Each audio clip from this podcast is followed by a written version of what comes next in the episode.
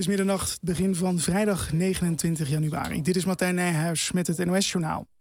Er is meer duidelijk over de man die het NOS-gebouw binnendrong in Hilversum. Die informatie is bekendgemaakt door justitie op een persconferentie. Zoals u alle heeft eh, kunnen zien is er vanavond uh, door adequaat optreden van uh, zowel politiemedewerkers als NOS-medewerkers een verdachte aangehouden. Het betreft een 19-jarige man uit Pijnakker die uh, vooralsnog verdacht wordt van uh, wederrechtelijke vrijheidsberoving, bedreiging en wapenbezit. De verdachte verblijft op dit moment op het uh, politiebureau in Hilversum. En u zult begrijpen dat hij op dit moment ook verhoord wordt. Een 19-jarige man uit Pijnakker dus, Tariq Zet, die is geboren in Zoetermeer. Minister Opstelten van Veiligheid en Justitie heeft afgelopen avond gesproken met premier Rutte en de Nationaal Coördinator Terrorismebestrijding en Veiligheid. Op basis van de eerste informatie die Opstelten heeft gekregen... zegt hij dat het om een eenmansactie gaat.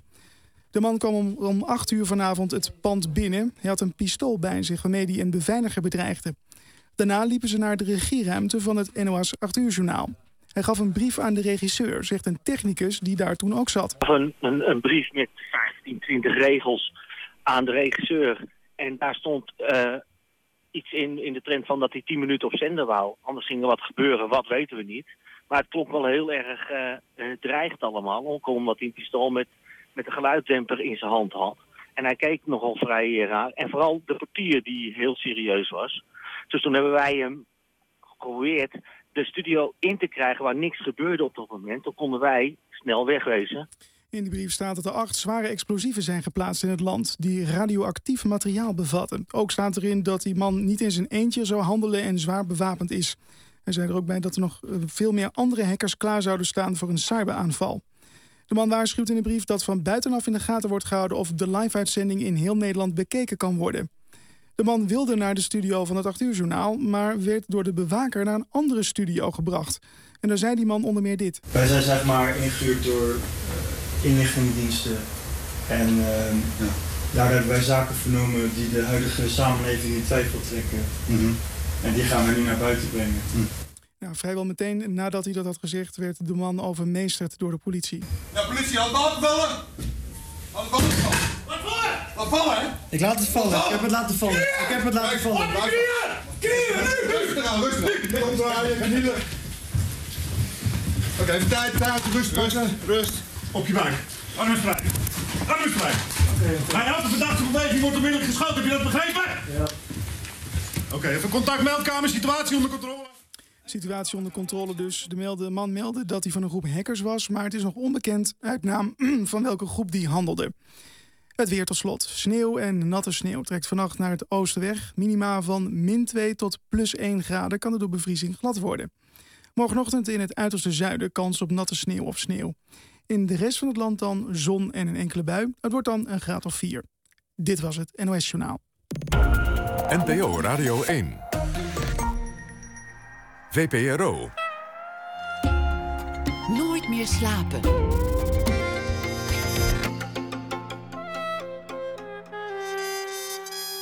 Met Pieter van der Wielen. Goedenacht. Welkom bij Nooit meer slapen. Gewoon weer in de vertrouwde Radio 1-studio. Die is uh, vrijgegeven door de politie. De rust is langzaam aan het uh, terugkeren op het Mediapark. De beveiliging is uh, wat opgeschroefd. Een aantal collega's uh, stond nog een beetje na te trillen en te shaken van wat er vanavond hier was gebeurd. Voor zover er iets te vertellen is over het nieuws, is het allemaal wel verteld. De man is opgepakt. Het is nog niet helemaal duidelijk wat zijn motieven waren. Het wordt langzaam duidelijk wie de man is. En morgen zal er ongetwijfeld en in de dagen daarop meer bekend worden. We gaan over op de orde van de dag. Dat is wat mij is gevraagd ook te doen. Gewoon te doen wat we van plan waren te doen. En dat gaan we ook doen. Welkom bij Nooit meer slapen. Erik Jan Harmens is hier te gast. Hij is schrijver en dichter. Hij heeft een, een boek geschreven, Hallo Muur. Welkom Erik Jan Harmens. Dankjewel. Geboren in 1970. Een buitengewoon persoonlijk boek geschreven. Dank voor je komst. En nou ja, we zitten hier in een iets wat onwerkelijke situatie, maar we doen maar alsof het allemaal niet aan de hand is. Anders zitten we hier een ja. uur te speculeren of, of dingen na te bouwen of in cirkels te draaien. En meer is er gewoon echt niet te zeggen op dit moment. Hoe lang ben je al gestopt met drinken? Twee jaar. Is dat uh, nog steeds iets, iets, iets waar je aan denkt op dagelijkse basis? Zeker, ja. ja. Elke dag? Ja. Wat denk je dan? Uh, meestal denk ik, oh nee. Want ik heb een soort um, reflex, eigenlijk bijna, ja, eigenlijk wel dagelijks toch een reflex, dat ik in een soort hele, heel kort moment, minder dan een seconde, denk: um, half vijf, uh, tijd voor een Westmalle triple. En dan onmiddellijk daarna, uh, oh nee. En ik zeg heel eerlijk, het is niet elke dag zo sterk hoor. Dus soms is het heel mild aanwezig en soms sterker. Maar is, het is toch, dat automatisme zit er nog heel sterk in. Dat ik, uh, ik was nooit een uh, door de dag drinker. Ik zat nooit om uh, elf uur s ochtends al aan een bier. Ik was beschaafd, dus vijf in de klok. Dan ging Harmens uh, borrelen. Half vijf, want dan zit die ja, vijf dan zit hij klok. de vijf eigenlijk al in de klok, half vijf. Oh, ja, maar om vijf voor half vijf zit de vijf ja, ook al ja, een zit hij ook al. klok. Ja, ja, je kan het iets, uh, je kan het iets oprekken inderdaad, ja. Maar, daar, ja, hield je, ja. daar hield je nog wel aan. Ja, zeker. Ja. Ja, ja. behalve als ik natuurlijk met dichters onderweg was of zo. Hè. Ik treed veel op met gedichten. En uh, dan, dan ben je natuurlijk on the road in zo'n tourbusje of zo. En dan kan het natuurlijk de hele dag. Maar dan ben je, dat is een ander leven dan thuis. Hoort dat erbij bij dichters? Als je, als je met dichters on the road bent, dat er dan gezopen wordt? Nou, overal waar ik kwam werd in ieder geval gezopen. Dus of ik was daar de, de aanstichter van. Nee, ja, dat hoort er natuurlijk bij. Ja, dichten is drinken. Dichten is drinken. Dat, dat is al een beeld in, in nou, een monumentaal beeld ergens in je hoofd waar het vermoedelijk doorgekomen is, dat drinken. Ja. Hoeveel dronk je eigenlijk? Uh, enig idee? Waar hebben we het dan over?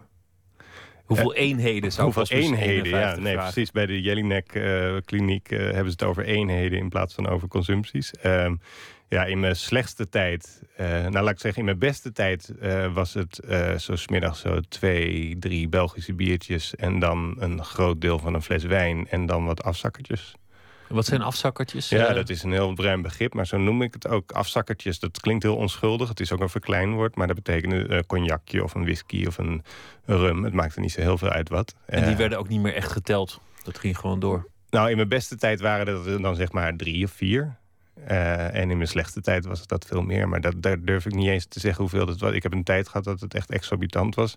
Um, en dat ik echt, echt voortdurend met flessen in de weer was... in een soort enorme logistieke operatie... van hoe ik al die flessen dan weer moest kopen. En dan kon ik dat ook niet elke keer bij dezelfde winkel kopen... want ik woon in Landsmeer. Dat is helemaal niet zo'n heel groot dorp. Dus om nou elke dag bij dezelfde uh, drankwinkel binnen te komen... is natuurlijk niet handig. Dus soms deed ik dat dan weer in Amsterdam-Noord. En soms deed ik dat in... Dus dat, en, en wat moet je met de lege flessen? Dat was ook nog een hele handel. Dus dat is een ja, ja, enorme grappig. logistieke operatie. Dat je schaamte zich verplaatst naar de drankwinkel. Terwijl als, ja. als we het ergens kunnen hebben, dan is het, is het, uh, is het daar wel. Maar had je reputatie eronder te lijden? Was het dan van, goh, die, die Harmens, uh, aardige jongen, maar naar achter kan je me niet bellen? Nee, het was, uh, niemand had het echt door. Dus, uh, tenminste, zover ik weet, en dat blijkt nu ook, want nu ik het boek publiceer, hoor ik ook dat veel mensen het niet door hadden. Dus Harmens kon je prima naar achter, naar achter bellen. Alleen, dan, dan klonk hij ook nog redelijk helder. Ja hoor, ja. ja. Kijk, het echte drinken deed ik op het moment dat iedereen sliep. Uh, dus die afzakkertjes waar ik het net over had, die gingen pas, uh, uh, werden pas geschonken zo na een uur of elf, half twaalf. tot dan een uur of één, half twee, twee uur s'nachts. het enige nadeel was dat ik dan de volgende dag achterlijk vroeg op moest... omdat ik gewoon jonge kinderen had en, en, en werkte. En ja, dus ik sliep eigenlijk niet. Dat was ook het moment dat je besloot te stoppen. Dat je, dat je dochter zei... Papa is uh, s ochtends heel anders dan s avonds. Ja, dat was, dat was weer later. Ja, dat was echt in, en dat is dus uh, uh, zeg maar ruim, ja, nou ja, ruim twee jaar geleden, tweeënhalf jaar geleden. Um, um, ja, het is opvallend dat je dan een signaal nodig hebt van een kind. Hè? Bedoel, de, ja, dat was voor mij in ieder geval een, een heel duidelijk. Um, ja, uh, God, dit is wel meteen heel lastig. Het is, ja, uh, dat, daar alles gaat om. In mijn leven is, is het allerbelangrijkste zijn mijn kinderen. Dus, dus op het moment dat, mijn, dat ik onvoldoende, laten we zeggen, constant ben in de ogen van mijn kinderen, dat vond ik een onverdraaglijke gedachte. Um, dat ik verander of anders ben s'avonds dan s ochtends, vind ik een onverdraaglijke gedachte. De angst om tekort te schieten door dat gezuip.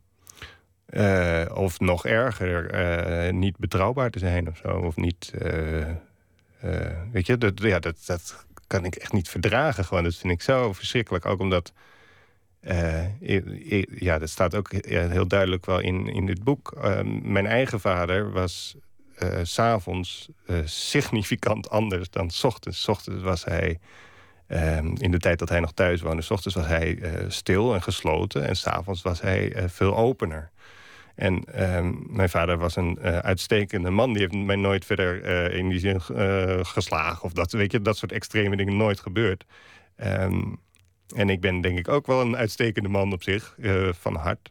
Maar het klopt gewoon niet als je anders bent. En als je, weet je, dat maakt een onbetrouwbare indruk, vind ik. Een, een onveilige indruk. En ik vind dat, ehm, ja, dat ik wil graag als vader betrouwbaar zijn. En, en, en uh, voorspelbaar zijn. Dat misschien wel een heel goed woord voor voorspelbaar zijn. Nou, en voorspelbaar ben je elke dag hardlopen en, uh, en ja. spa rood drinken en, uh, en, een heel degelijk leven dat absoluut niet past bij het beeld dat jij ooit had van de rock'n'roll van de poëzie. Nee. Is dat, is dat iets dat ergens knaagt? Dat je denkt, goh, ik heb afscheid genomen van iets wat ik altijd geambieerd heb. Een soort beeld dat ik van mezelf had en wilde hebben. Iets waar ik dacht aan te komen. Ja, kijk, het, voor mij klopt het nog steeds niet als ik uh, mijn aerodynamische broek aantrek. Uh, en ga rennen. En, ga, en, en uh, mijn schoenen met vering en demping. En, en dan ga rennen. Nee, ik bedoel, ik, inmiddels, het is niet zo dat, meer dat ik zeg maar, als een dief in de nacht ga rennen. Wat ik echt in het begin deed, dat ik echt zo stiekem ging rennen. Uh, maar het, het is nog steeds, mijn ideaalbeeld is dat niet. Nee, mijn ideaalbeeld is niet dat van iemand die uh, sport en uh, thee drinkt. En nee, ik doe het nu en het, het, voelt goed om het zo te doen. En ik ben er blij mee dat ik het zo doe. Echt wel heel erg. Maar ik zou echt jokken als ik zou zeggen dat ik nu euforisch ben. Want het klopt niet met het beeld wat ik had van mezelf als een zogenaamd succesvolle schrijver en dichter en weet ik het wat. Vermijd je oude vrienden? Of ik ze vermijd? Ja. Um, sommigen uh, vermijden mij in ieder geval. Omdat je ongezellig bent? Omdat ze denk ik niet meer weten wat ze met me aan moeten nu of zo. Omdat... Want je bent toch een verrader als je in hun midden spa zit te drinken?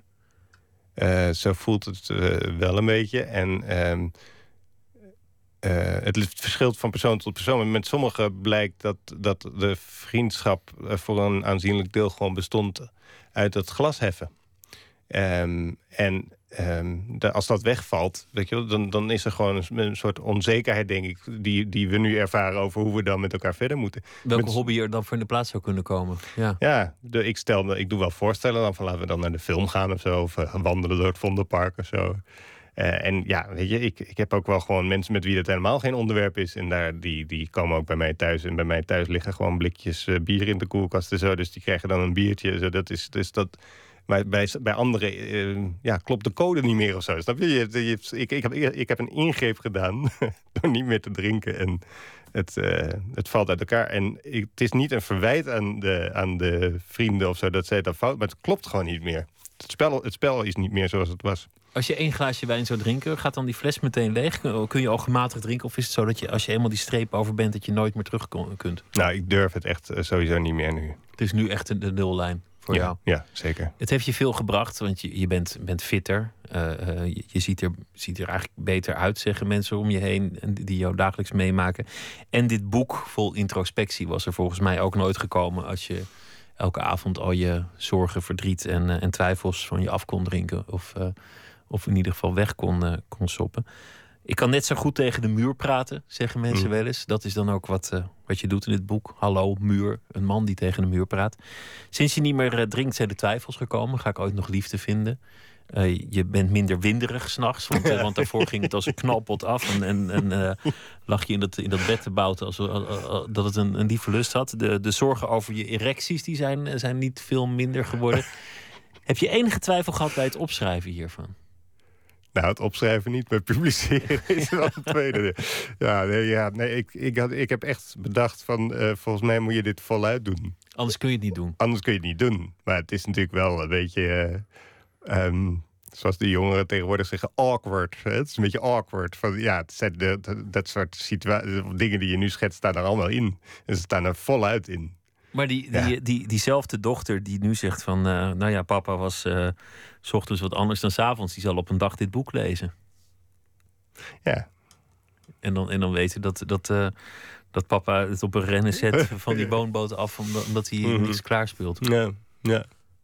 Maar het zij zo. Zo moet, je, zo moet je schrijven. Dat is misschien toch ook dat ideaal van, van de schrijver. Nog wel veel meer dan het dronken zijn het voluit jezelf durven geven. Ja. En, en, en nou, en ik denk dat, dat uh, tenminste voor mezelf sprekend, uh, uh, de combinatie schrijven en drinken. Ik had het wel, altijd wel het idee dat ik die eerlijkheid in het schrijven zou bereiken door erbij te drinken. Want dan zou je zeg maar al je remmingen laten varen en je zou dus ongeremd schrijven. Zo. En het blijkt dat ik dus veel ongeremder ga schrijven op het moment dat ik niet drink. Dus die illusie is inmiddels onderuit geschoffeld.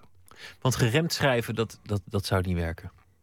Dat, dat is, ik bedoel, geremde nee, schrijvers. Nee, maar als ik dit boek geremd zou schrijven, zou ik het dus sowieso in de derde persoon doen of zo. Hè? Of ik zou die persoon een andere naam geven. Ernst Jan uh, Herms of zo, weet je.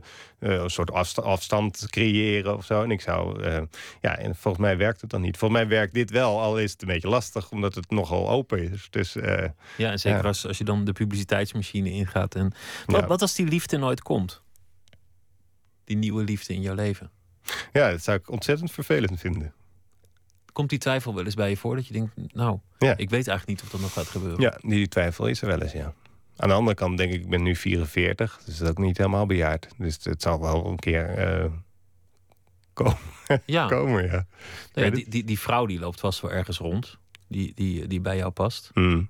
Dan is er misschien een allocatieprobleem, dat, dat jullie elkaar niet tegenkomen. Ja, kan. Maar er zijn waarschijnlijk ook barrières in jezelf. Ja. Ja. Is geen rare vraag, toch? Ik weet niet precies wat de vraag is. Wat is je, wat, wat, nou, of, of, of die nog komt. Je, ja, je, dat, weet, dat, weet, ik weet natuurlijk niet of die nog komt. Ben jij er klaar voor? Ik heb het idee van wel, ja. Nou. Want in je, in je, boek uit je heel veel, heel veel twijfel eigenlijk over, over die vraag van... Ja, het, het zit eigenlijk steeds onderliggend zit er die twijfel van, van durf ik dat wel? Ben ik daar wel klaar voor? Kan ik mezelf wel geven aan die. Ja, maar ik denk dat het ook niet zo, zo raar is. Uh, kijk, ik ben dus twee jaar geleden gestopt met drinken. Ik ben uh, um, um, drie jaar geleden, twee jaar geleden uh, ook gescheiden en zo. Hè. Dus allemaal dat soort gebeurtenissen hebben plaatsgevonden. Um, ik twijfel wel, daardoor wel heel erg over hoe ik er nu bij sta of wie ik nu ben. En, en de, dat soort grote vragen heb ik wel. Um, ik denk dat het heel belangrijk is uh, dat ik dan nu niet in een... Ja, weet je wat bedoel? Het, het, is nogal logisch. Ik denk dat ik nu niet precies weet hoe ik dan nu verder moet in, op, op dat vlak. Weet je Geen idee. Waar je, waar je ja. dan weer instort. Nou ja, ja. Je, je, beschrijft, dat, dat is al één ding... dat, dat dan een gangbare expressie is... Uh, onder vrouwen in het datingcircuit... laten we een wijntje drinken. Ja. En dan moet jij meteen uitleggen... nou, ik wil graag wat met je drinken... maar wijn, dat durf ik even niet.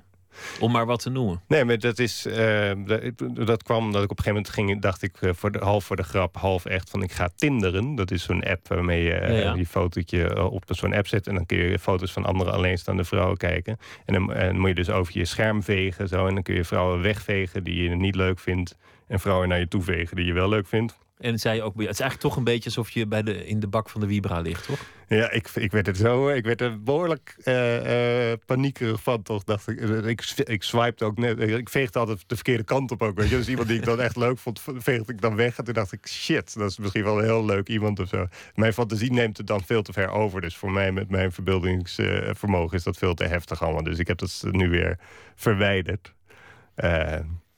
Maar ja, weet je, ja, Volgens mij geldt het voor iedereen die toch alleen is, zeg maar. Zeker als je een beetje zo in de veertig bent, dan weet je natuurlijk niet of je dan nog weer een succesvol nieuwe. Een uh, nieuwe chick aan de, hals sla, aan de haak slaat of zo. Dat nou weet ja, je natuurlijk niet, toch? Ik, ik vind dat je er mooi over schrijft. ook, ook omdat die vrouwen zich dan allerlei dingen hebben voorgenomen. Van ik, ik laat mij nooit meer de les lezen door een man. Of, nee. ik, of ik, ik pik niks meer en de volgende keer. Dan dat zal vind ik het probleem vaak. Dat, zijn. dat er vaak veel boosheid is uh, bij. Uh, Waar jij niks aan kan doen. Nee. Nee, dat is, vrouwen, nu krijg misschien heel veel lezers, mailtjes en brieven. Maar ik merkte zeg maar, dat vrouwen van mijn eigen leeftijd. Ik, ik ga nu een heel gevaarlijk mijnenveld in. Dat daar wat uh, vaak veel boosheid is. Over het leven en over wat hen is aangedaan door wie dan ook. En dat is allemaal heel legitiem. Maar ik wil niet boos uh, ik, ben nu, ik ben op dit moment met alles wat ik achter de rug heb... echt het tegenovergestelde van boos. Ik ben echt niet boos. Dat is heel mooi om niet boos te zijn, want, want veel mensen zijn op wat voor manier dan ook wel boos. Ja. Merk ik. Ja. Ja. Ja, en dat mag ook. Er is natuurlijk heel veel, heel veel mensen maken heel veel vervelende dingen mee en zo. Dus die boosheid is heel verstelbaar. Maar het, is een, het, is, het voelt voor mij in ieder geval als een zegen om het, om het niet te zijn. Wat moet je doen om het niet te zijn? Hoe is het gekomen dat jij het niet bent of niet meer bent? Wat is daarvoor nodig? Um, uh, ja, uh, in mijn geval hele goede hulp krijgen. Uh, dus ik heb hele goede um, hulp gekregen bij het verwerken van de, van de rommel die ik dan heb meegemaakt. Een therapeut bedoel je? Ja, gewoon? een therapeut. Ja. En ik heb een hele goede hond met wie ik heel veel wandelingen maak. Um, en ik drink niet meer. Dat helpt me heel erg bij, bij het verminderen van boosheid. Dat, dat helpt. En ik probeer gewoon zo eerlijk mogelijk uh, te leven, denk ik. Dus dat is niet een, rationeel besluit of zo... maar dat is echt iets wat, wat ik met alles wat, wie ik ben uh, heel graag wil. Slaat dit nog ergens op? Zeker. Ja, oké. een man op jaloers, om, om op jaloers te zijn... een man die eigenlijk op dit moment in zijn leven de wind in de rug heeft... is uh, Benjamin Clementine. Het is een, een zanger, Ghanese-Engels van afkomst... ontdekt in de metro in Parijs, waar hij zat te spelen... en toen liep er een platenbaas langs. Hij treedt het liefst op met blote voeten... met een ontbloot bovenlijf en een designer kostuum daaromheen... zittend achter een piano. En hij komt ermee weg ook nog. Nemesis is het nummer. Hier is Benjamin Clementine. If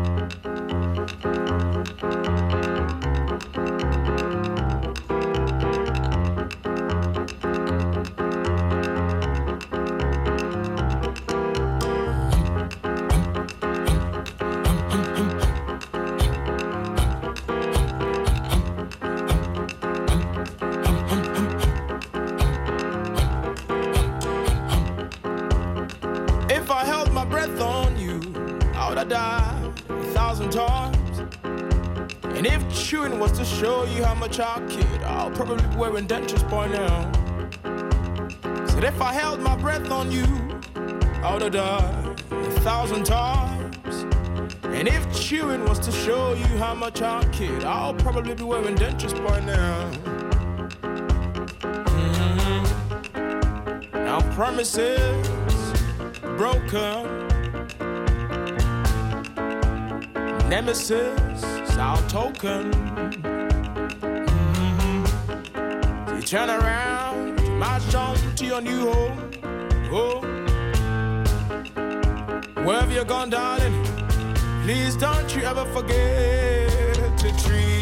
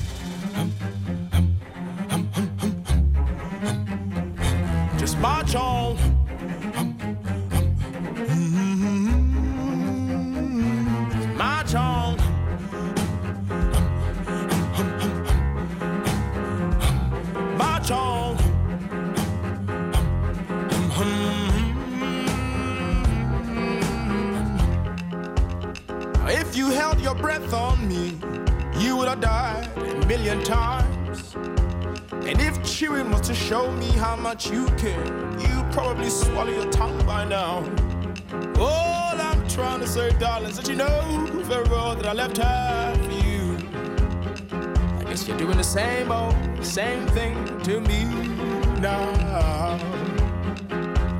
Mhm. Now these days, Hennessy dries my veins as our Genesis smiles back at me. Now heresy might be a new faith, faith. Whatever you've chosen to believe in, darling, don't you ever forget to treat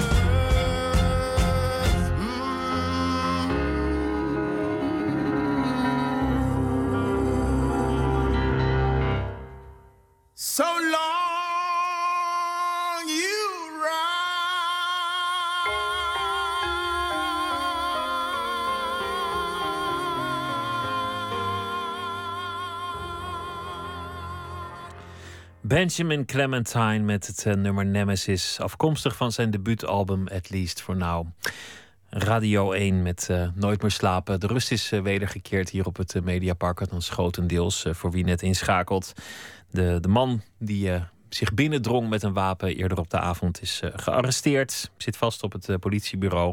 Nadere details over het onderzoek zijn nagenoeg niet vrijgegeven eigenlijk. En het zal allemaal in de, de, loop van de komende dagen en weken wel duidelijk worden wat, wat hem dreef, wat hem bezielde en nou ja, hoe hij het verder heeft aangepakt.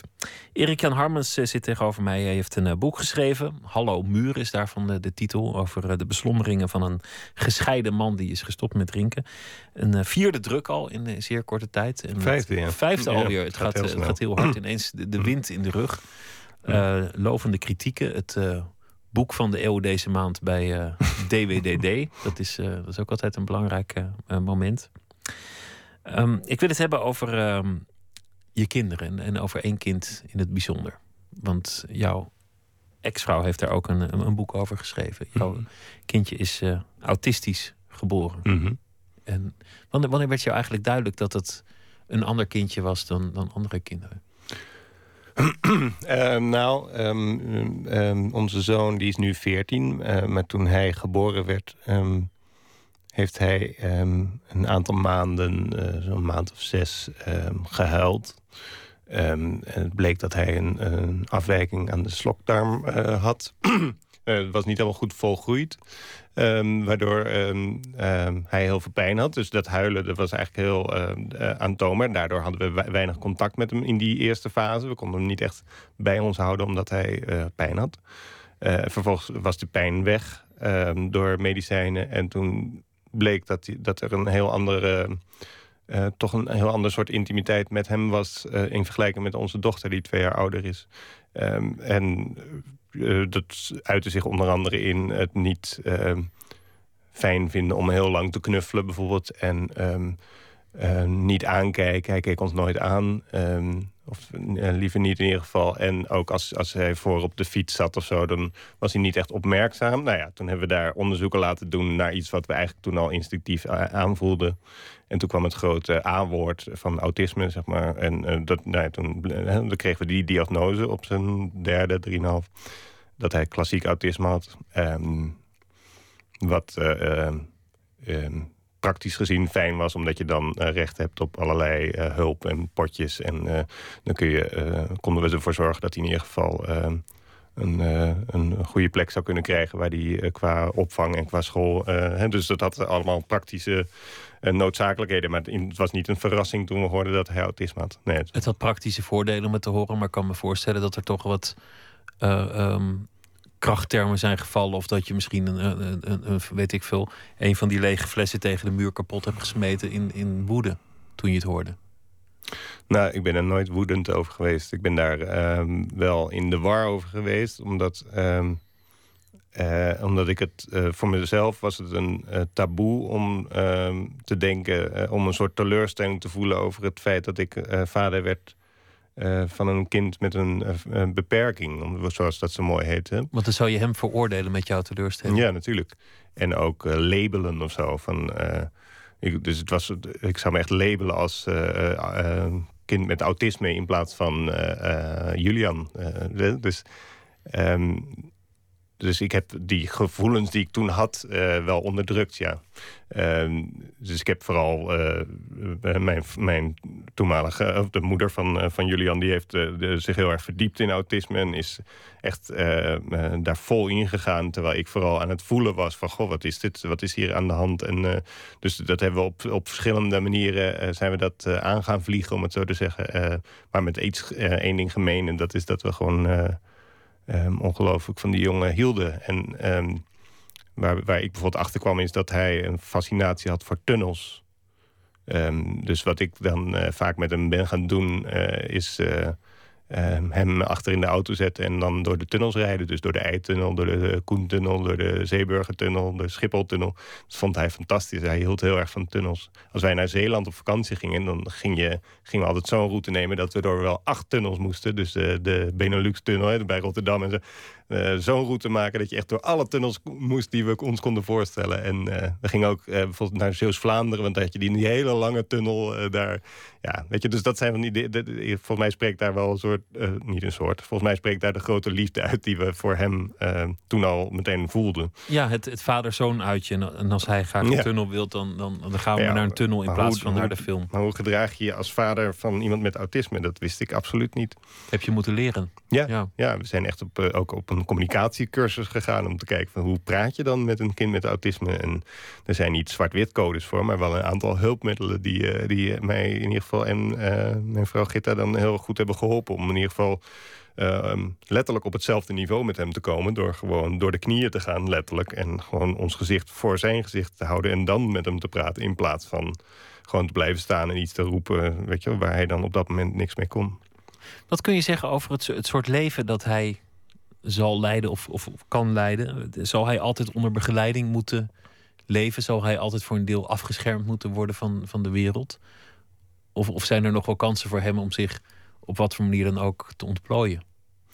Ik denk dat, uh, dat uh, Julian uh, iemand is die, die heel veel zelf kan als er uh, iemand in de buurt is. dat, om, om hem een beetje te helpen. Um, het is een ongelooflijk slim joch uh, die heel veel uh, kan... maar gewoon af en toe uh, een handje nodig heeft of een zetje nodig heeft... of even een knijp, een knijp in de wang nodig heeft. Even zo'n moment van bevestiging nodig hebben. Dat is niet zo heel veel gevraagd. Ik bedoel, hij kan echt heel veel zelf. Hij kan zelf in bad en hij kan zelf naar de winkel boodschappen doen. En je klinkt trots. Ja, ik ben ongelooflijk trots op, die, op, die, op, op beide kinderen, maar op hem uh, uh, dus ook. Ja, het is een geweldige kerel. Hij heeft bijvoorbeeld wat, wat echt uniek aan Julian is, uh, met zijn 14 jaar, um, is dat hij een, een enorm gevoel voor humor heeft.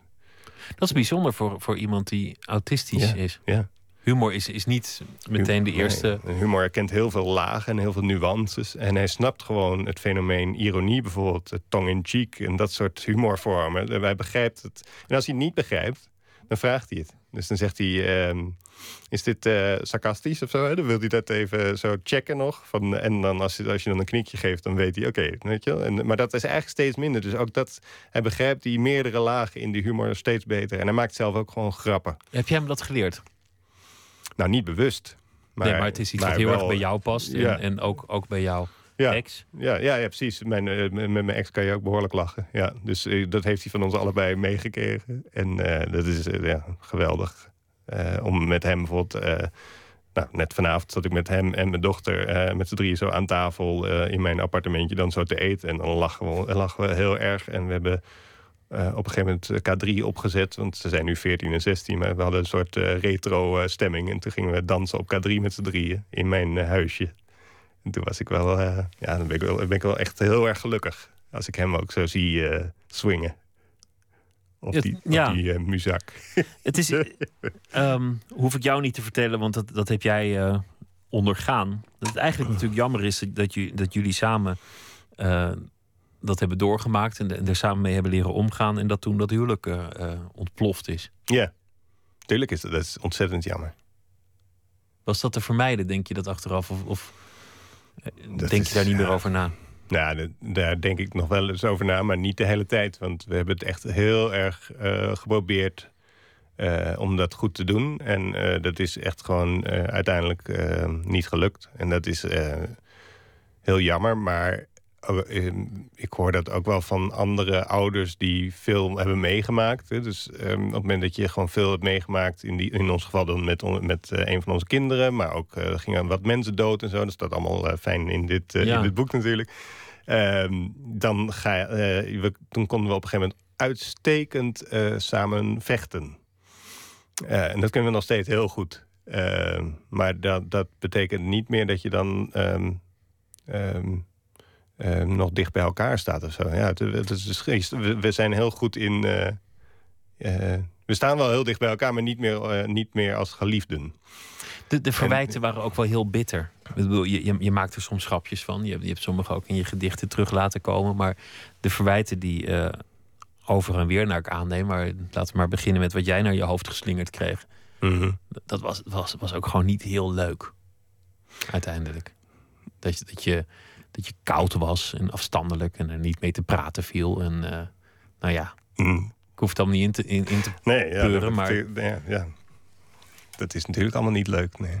toch zijn jullie hele goede vrienden. Dat, dat is eigenlijk precies hetzelfde als wat je net beschrijft. Dat er toch een nieuw geluk uit alle ellende voort is Ja, gekomen. maar ik denk dat dat, een van, dat, dat het grote geluk is. Dat, eh, natuurlijk is er enorm veel pijn geweest. En er zijn heel veel vervelende dingen gezegd. Eh, we hebben elkaar nooit uitgescholden overigens. Dat vind, ben ik nog steeds heel trots op. Het- Nou ja, Nee, snap je? Maar ik bedoel, de, grens tussen uitschelden en, en een Nou, ik vind het toch kwalificatie wel een geven. Ja, nou ja? maar ik vind het toch eh, dat echte, eh, dat echte dat, dat eh, elkaar belachelijk maken of zo, waar anderen bij zijn of zo, dat soort tafereelen hebben we dan niet zoveel gehad. Maar als iemand zegt dat je een koude man bent met wie niet te praten valt en die, die zijn gevoelens opsluit, dat, dat raakt toch wel een klein beetje aan grenzen.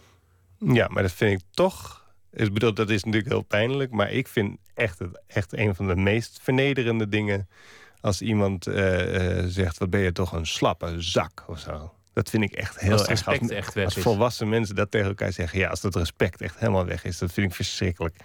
Ehm, en dus, dus eh, en vooral als er anderen bij zijn. of zo. Dat, dat, dat- als ik dat bij anderen zie waar ik dan bij ben, dan zak ik echt door de grond. Als je elkaar zo klein wil maken. En toch bij elkaar blijft. Nou ja, kijk, nu zijn we wel, we zijn geen geliefden meer, maar we zijn de trotse ouders van twee kinderen. We wonen allebei in hetzelfde dorp met een weg ertussen. Er zit een drukke weg tussen onze huizen, waardoor we niet bij elkaar de deur plat lopen. Maar ehm, we kunnen fijn eh, nog met elkaar eh, uit eten en zo. Snap je? Nou, dat is, eigenlijk is dat heel groot geluk, denk ik. Hoe zou, je het, hoe zou je het omschrijven? Een man die een soort beeld had van zichzelf als, als schrijver. Ehm, daar wil ik het straks over hebben. Maar die eerst dacht van nou, bij mijn leven hoort het, het, het drinken, het wilde leven, het, het roken, het uitgaan, het laatmaken, eh, het, het ontsporen, want ik ben, ik ben, ik ben vrij. Eh, die, die tegenslagen heeft gekregen in de, in de zin van een, een toch zwaar gehandicapt kind dat je hebt gekregen. Of, of ik weet niet of dat het woord is dat je zelf zou gebruiken, maar een, Ja. Nou ja. een kind dat zekere aanpassing in het leven behoeft. Ja. Sterfgevallen in je omgeving. Ja. Eh, nou, ze vielen om je heen. Ja. De, de een na de ander. Ja. Dan, die, dan die echtscheiding. En inmiddels ben je gestopt met, met drinken. En er lijkt een soort vrolijkheid over je heen gekomen. Ja, dat, dat kan ik niet ontkennen, ja. Hoe, hoe, hoe zou je dat omschrijven? Wat er is gebeurd. Ehm, ik denk dat het, eh, dat het gevoel, eh, dat het, eh, het woord opluchting wel op zijn plaats is. Dat alle ellende een beetje achter de rug is. Nou ja, ik weet natuurlijk niet of alle ellende achter de rug is. Want ik kan straks op mijn, Ja. eh, op mijn telefoon kijken en is er weer iemand dood of zo. En dan kan ik het gaan stapelen van, oh jeetje, nog iemand dood of zo. Snap je? Dat is vaak heel aantrekkelijk. Ehm, het wil niet zeggen dat ik eh, geen misère meer ga meemaken. De kans is 100% dat dat nog gaat gebeuren. Maar ik sta er zelf gewoon vrij goed bij op dit moment. Eh, ik ben helder in alle opzichten. Dus ik... eh, ehm, en ja, ja, ik, ik, ik- ja. Ik, ik, heb een huis. Hè. Toen ik net eh, de echtscheiding eh, net een feit was, heb ik een tijd eh, weer bij mijn moeder gewoond en in een staakerven gewoond en bij vrienden op de bank geslapen. Dat was echt wel heel erg vervelend. Ik heb nu gewoon weer een fijn appartement. Dus, dus ik heb, het gaat best goed qua. ik treed veel op en zo. Ik ben eigenlijk best wel heel blij. Ja, ja. ja. Je bent ook trotser. Want, want het, het boek dat je schreef samen met Rick de Leeuw... een correspondentie over jullie zelf in de... In, laat ik zeggen, de plastic tassenfase. Ja, Net, net, vers eruit geknikkerd en in, in tijdelijk onderkomen. Ja. Die, die titel was Echte mannen scheiden niet. Mhm. Vol- Volgens mij kwam die van Rick, maar dat weet ik niet zeker. Mhm. Ehm, daar zit ook een enorme nederlaag in. Van zelfs dit heb ik niet goed kunnen doen. Ik, ik ben tekort geschoten. De hele tijd dat, dat verwijt aan jezelf. En Ja. het lijkt wel alsof je dat achter je hebt gelaten. ja, dat geloof ik ook wel dat het zo is. Ja. Komt dat door die therapie? Dat je, dat je nu niet zo streng bent voor jezelf? En, en ook wel door tijd. Eh, het is ook Gewoon wat langer geleden. Eh, ehm, maar ook ja. oh, Kijk, ik vind het grote voordeel van ni- niet meer drinken. En kijk, ik ben niet tegen alcohol of zo. Dus ik vind het prima, echt perfect als mensen gewoon een glas wijn drinken. Lekker doen. Alleen ik werd er gewoon heel erg ongelukkig van. Met name door de exorbitante hoeveelheden. Dus, en door de dwangmatigheid ervan. Eh, dat ben ik kwijt. Die dwangmatigheid ben ik kwijt. En ehm, Dus ehm, ten eerste, en ik heb een huis. Ten tweede, ik drink niet meer. Ik, ik, rook niet meer. Dus ik denk ook niet dat het ook krijg straks weer. Straks krijg ik ook kanker of zo. Ik bedoel, dat had ik elke keer bij elke sigaret die ik rook. Dan dacht ik dat. Nou, dat ben ik ook kwijt. Dus er zijn best heel veel, er is best heel veel ballast weg. Uh, nou ja, dan hou je dit over. En dat, soms gaat het ook uh, extreem de andere kant op. Dan ben ik een beetje een soort blij ei.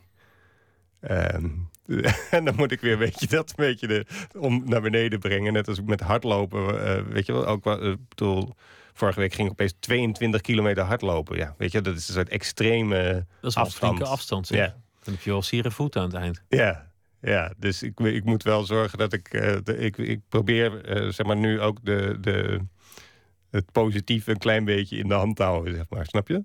Uh, omdat ik anders misschien ook weer doorschiet. Hallo Muur is, uh, is de titel van het boek, omdat die man tegen de muur praat. Maar het is uh, ook een liedje van uh, Willie Nelson en daar heb je het ook vandaan. 1961. En we hebben dat liedje natuurlijk meteen uit, uit de kast getrokken. Hello Walls.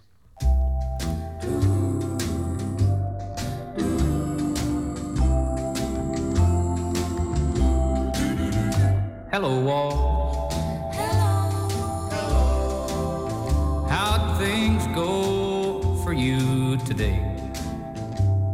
Don't you miss her? Since she up and walked away, and I'll bet you dread to spend another lonely night with me. But lonely walls, I'll keep you company. Hello, Wendy. Well, I see that you're still here. Aren't you lonely? Since our darling disappeared. Well, look here, is that a teardrop in the corner of your pain? Now don't you try to tell me that it's rain. She went away and left us all alone the way she planned. Guess we'll have to learn to get along without her if we can. Hello, ceiling. I'm gonna stare at you a while. You know I can't sleep. So won't you bear with me a while? We gotta all stick together, or else I'll lose my mind. I got a feeling she'll be gone a long, long time.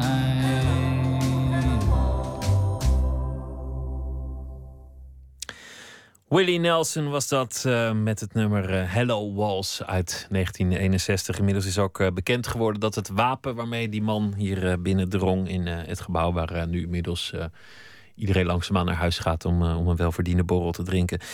Dat, dat wapen was nep. Moeilijk van echt te onderscheiden, maar je, had er, had er nog geen kleiduif mee kunnen raken als, als het je bedoeling was geweest. Erik Jan Harmens, we hebben, het, uh, we hebben het al gehad eigenlijk over, over alle tegenslagen en hoe je eruit bent gekomen. Je zei, ik, ik moet mezelf af en toe beheersen om, om niet in euforie uh, uh, te vervallen. Helemaal aan het begin zei je van ja, ik vond ook dat het erbij hoorde. Bij het leven van een dichter, van een schrijver, om, om op pad te zijn, om, om veel te drinken, om veel te roken, om wild te leven, om, om niet, niet in dat burgerlijke bestaan te passen. Wanneer ben je jezelf eigenlijk als, als schrijver gaan zien? Wanneer merkte je dat, het, dat je het kon, dat je het wilde en, en dat, dat het werkte voor je? Nou, eigenlijk vanaf het moment dat ik uh, um, ben gaan schrijven, dus dat was op mijn vijftiende.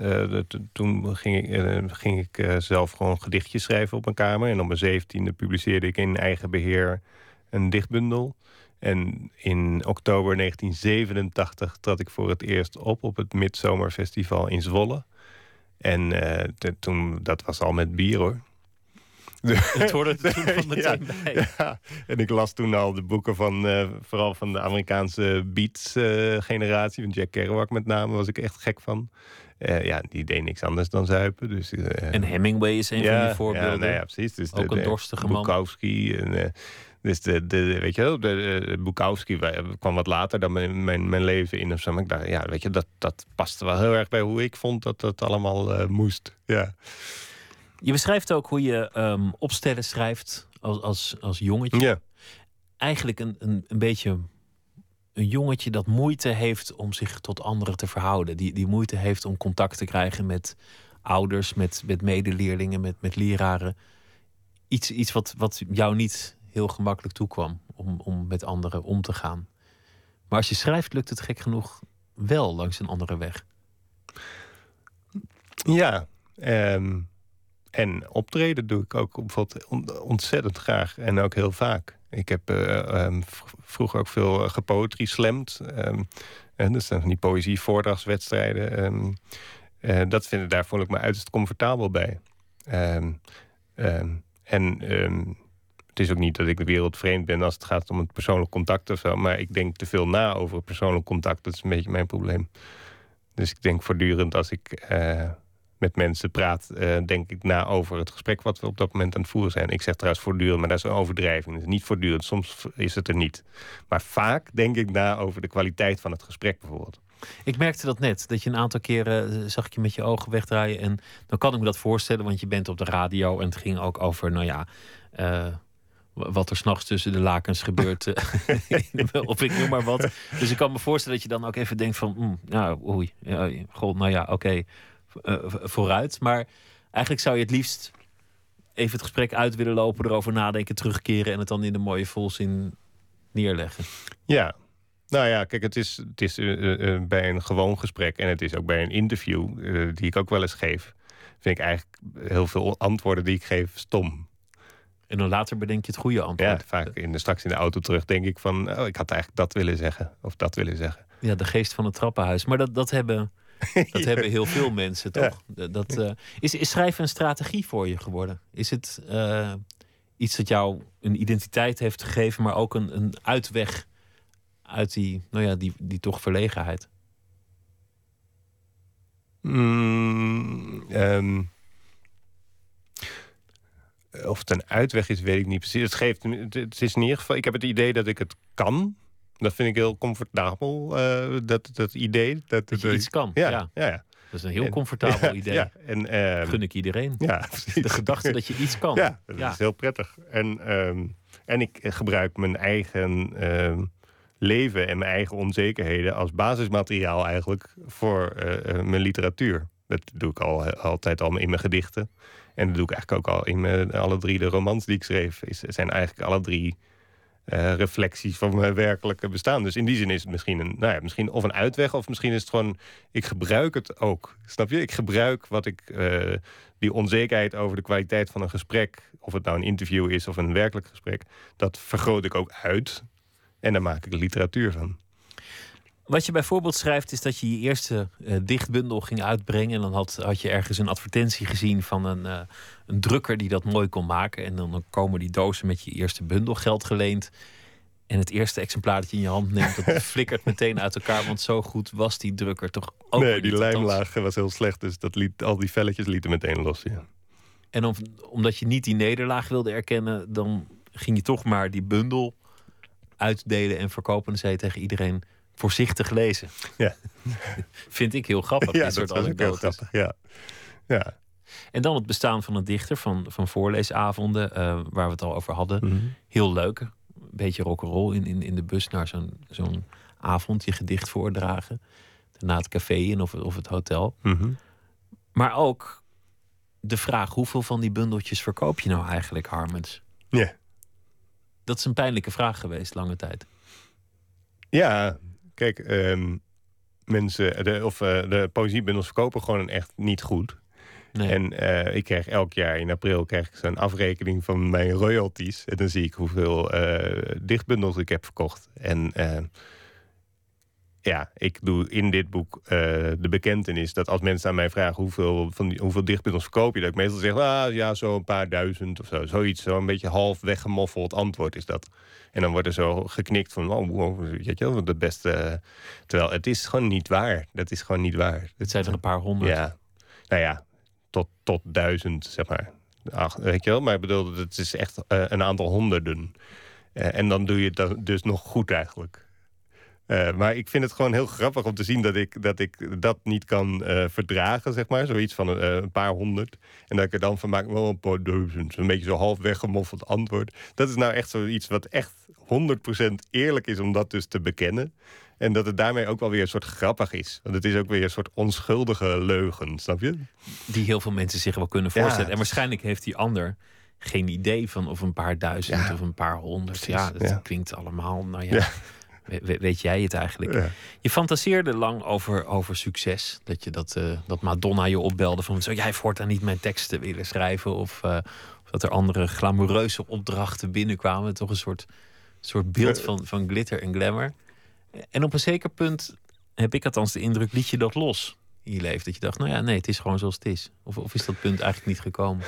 Um, nou, het is wel wat minder geworden sinds ik... Uh, uh, zelf ook wat bekender ben geworden. Dus dan, dan, dan gaan die, gaat het ook wat, wordt het eigenlijk wat realistischer. En dan wordt dus ook het verlangen wat minder of zo. Omdat het, uh, dat het toch wel aan het gebeuren is gewoon. Nou ja, ja. Ik was, ja, precies. Ik was twee jaar geleden op de tournee met, met een aantal dichters door Amerika. En dat was geen droom, gewoon echt. en toen was ik ook bij zo'n agentschap uh, op Manhattan. zat ik zo te praten over eventueel mijn werk vertalen in het Amerikaans. Uh, toen, dacht ik, uh, toen dacht ik echt van ja, dit zou eigenlijk iets zijn wat ik normaal gesproken dan zo had gefantaseerd in mijn jongenskamertje. Alleen nu vindt het in het echt plaats. Dus snap je? Dus daarmee was de noodzaak om erover te fantaseren uh, is dan wat minder groot, want het vindt immers werkelijk plaats. Sterker nog, met dit boek meer dan ooit. We hadden het al over die, die vijfde druk. Ja. De, de, mate van aandacht is, is groter dan bij je vorige werk.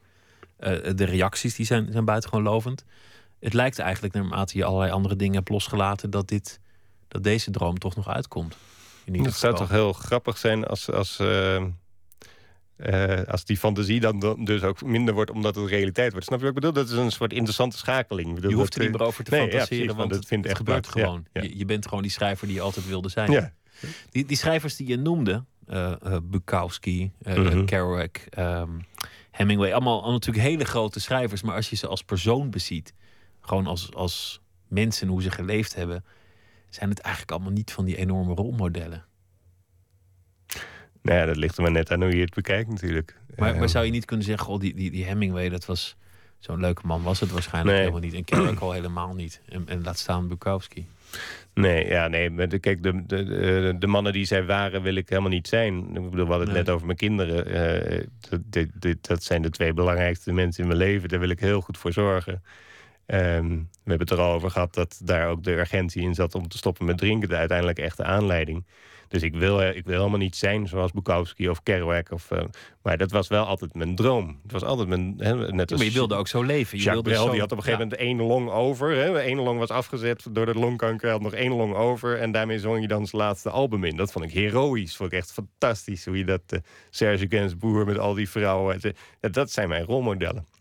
Het is heel lastig om daar afscheid van te nemen. Zeker als je in je trainingsbroek door het Twisken bij Landsmeer aan het hardlopen bent. Weet je, dat, dat past helemaal niet bij dat beeld van... Die, en dus die verwijdering tussen Serge Gainsbourg met zijn 40 chitaans per dag... en ik in mijn hardloopbroek in het recreatiegebied... Die, die, die verwijdering is wel heel groot. Je vindt jezelf eigenlijk heel erg saai. Uh, nou, misschien is dat wel een soort hele grote angst om dat te, te zijn, ja. Ja, ja. Lijkt me, dat is voor mij een soort doodsteek. Ja, saaiheid. Ja? Maar goed, je schrijft, je schrijft toch ja. uh, je schrijft interessante boeken. Je bent, je bent een goede vader. Je bent, uh, ja, maar het is ook ja. niets gezegd. Want wat betekent het? Saaiheid, geen idee, weet je. Dus het ja, slaat nergens op. Maar het is gewoon, het zit zo in me. Van dat nooit, nooit dat saai worden. Alsof, weet je, wat zou er dan, wat is dan saai? Maar elke keer als ik de, de. Ik moet dan eens in de twee weken zo'n rolcontainer bij de weg zetten. Met, met vuilniszakken erin. Hè? En dan rol ik zo met die rolcontainer over de weg en hoor ik dat zo ratelen. En dan zie ik de buren kijken van... hé, hey, Erik-Jan Harmens zet zijn rolcontainer bij de weg. En dat vind ik al bijna een soort. Dat ik denk, ik doe het niet.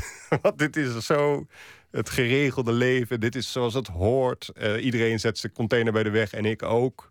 Ik heb daar grote moeite mee. Maar ja, ja, wat moet ja. je dan als Hemingway zeggen: Kom, we gaan, we gaan olifanten Hemingway zou erin pissen waarschijnlijk. In die, snap je?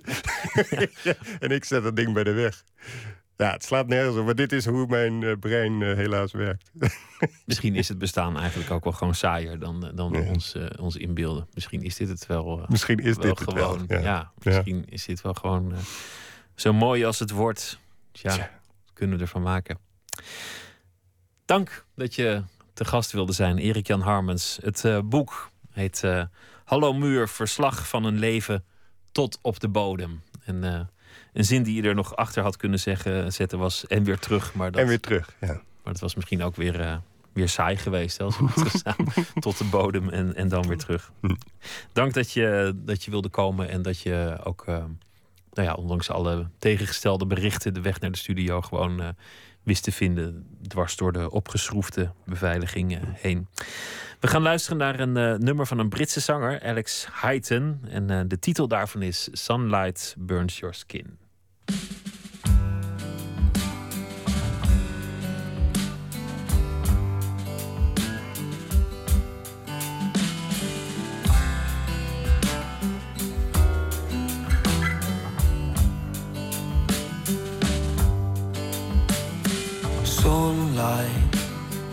Bends right through your skin. You've done too much and it's torn you in. I recall us all in our prime,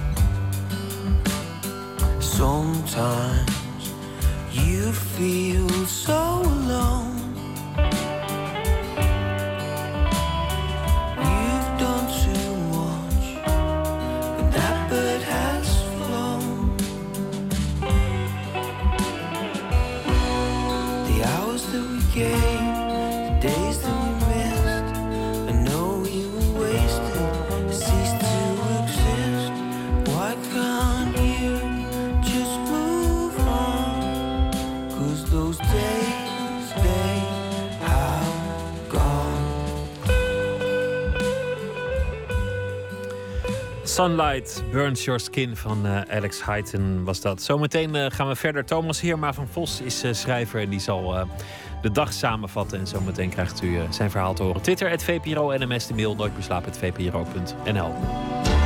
Op Radio 1, het nieuws van alle kanten.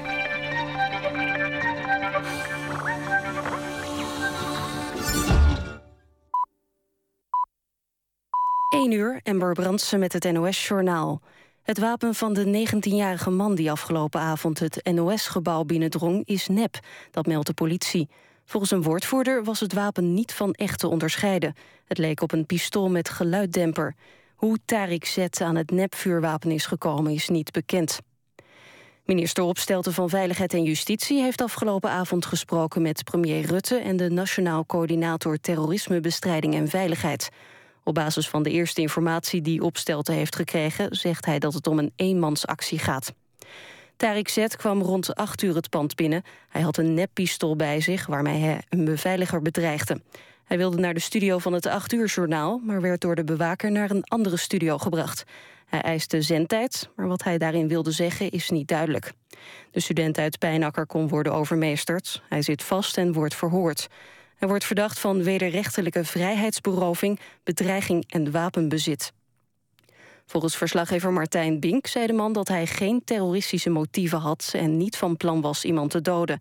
Zet meldde dat hij van een groep hackers was... maar het is nog niet bekend uit naam van welke groep hij handelde. In het huis van de 19-jarige jongen in Pijnakker wordt een huiszoeking gedaan door de politie. Daarbij zijn spullen in beslag genomen. Politie wil niet zeggen om wat voor spullen het gaat. Ook bij het huis van de vader van de jongen in Nooddorp is politie aanwezig. Hoofdredacteur Marcel Gelauf noemt het buitengewoon schokkend... dat iemand ondanks strenge beveiliging het NOS-pand binnen kon komen.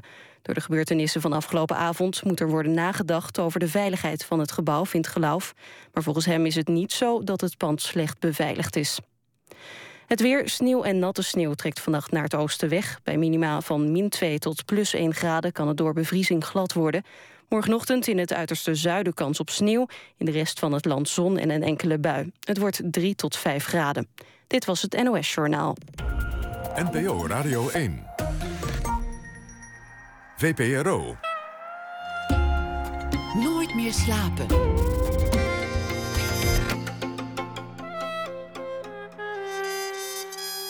Met Pieter van der Wielen. U luistert naar uh, Nooit meer slapen. Thomas Heerma van Vos is uh, schrijver. Deze week hebben wij hem de opdracht gegeven om elke dag een verhaal te schrijven over de afgelopen dag. Hij is uh, de auteur van uh, romans als Stern en De Allestafel en een verhalenbundel De Derde Persoon. Goedenacht, Thomas. Goedenacht, Pieter. Nou, vertel eens over de afgelopen dag. Hier, het gebeurde hier in dit gebouw waar ik was. En net hoorden we in het nieuws dat het wapen ook nog eens nep was. Ja, dat hoorde ik ook net. En het was eigenlijk een, tot, voor mij in ieder geval, tot een uur of acht, negen, rustige dag. Ik had ook mijn column voor jullie al uh, opgeschreven. En daarna werd alles toch ineens anders. En net op het nieuws, je hoort ook geen ander bericht meer als ik achter mijn computer zit, is dat het enige waarover ik lees. Dus ik heb ook nog snel iets nieuws geprobeerd te schrijven. Nou, dat heb ik ook wel gedaan. Uh, en dat soort, dat soort grote uh, actualiteiten, dat vind ik altijd, dat heeft iets heel lastigs. Want enerzijds ja, heeft dat een soort dwang, roept op, hier moet je het over hebben. En anderzijds zijn er zoveel meningen dat ik mezelf ook meteen op de vraag trapte, wat kan ik hier nou nog over zeggen? Nou, dat, dat had ik ook, want uh, druk overleg natuurlijk met, met de, de, de zenderleiding en de, eindredacteur en de hoofdredacteur en uh, nou ja, noem maar op. Van, er is niks meer te zeggen. Alles is al gezegd. Moeten wij dan ook een uitzending gaan maken die er iets mee te maken heeft? En met wie moet je dan gaan zitten speculeren? En het begon toch al een heel klein beetje ook duidelijk te worden dat het allemaal niet zo groot was als aanvankelijk gevreesd. Bovendien was het goed afgelopen. Dus, um, dus dan, dan maar gewoon doorgaan met wat je aanvankelijk zou gaan doen met, met zo'n schrijver. En, uh, ja, ja, het... ja, dat is denk ik ook een, een goede keuze, maar dat heeft misschien toch ook iets geks. Zeker, absoluut. En um, het toont denk ik vooral aan hoe angstig ook iedereen is. Want ik, ik snap heel goed dat je schrikt omdat je niet zo snel kan zien uh, of een wapen nou echt is, is of nep. Maar ja, er is natuurlijk zoveel gebeurd in de laatste weken dat bij iedereen de schrik er flink in zit. En dingen kunnen ook natuurlijk gewoon echt gebeuren. En ik kwam hier binnen en, en heel veel collega's die waren nou ja, aan de ene kant opgelucht, maar toch nog wel een beetje geschrokken. Eentje zei, de eerste gedachte was, ik ga toch niet sterven door zoiets onzinnigs. Ja, dat, is, uh, dat, dat lijkt me dat is een hele begrijpelijke angst dat die dan meteen opspeelt. Zeker als je iemand met een wapen ziet wapperen en je hebt inderdaad geen idee wie, wat, waarom. Nee, al die vragen die blijven dan open en die zijn nu enigszins ingevuld, maar nog steeds blijven er volgens mij flink wat vraagtekens ook overeind staan. Zeker, dat zal allemaal uh, in de loop der tijd duidelijk worden. Ja. Je verhaal, want je hebt uh, alles. Uh, ja, ik heb er toch. ja, ik heb dacht, ik schrijf hier toch maar over. Want om het dan ineens over iets heel anders te gaan hebben, voelt ook tegen natuurlijk. Nou ja, dat, ik heb dus een poging gewaagd. En ik zal het nu wel meteen even voorlezen. Ga je gang. Behalve misschien op het WK voetbal zie ik de Nederlandse bevolking nooit zo eensgezind als nu, op avonden als deze. Avonden waarop iedereen nog maar met één ding bezig lijkt te zijn.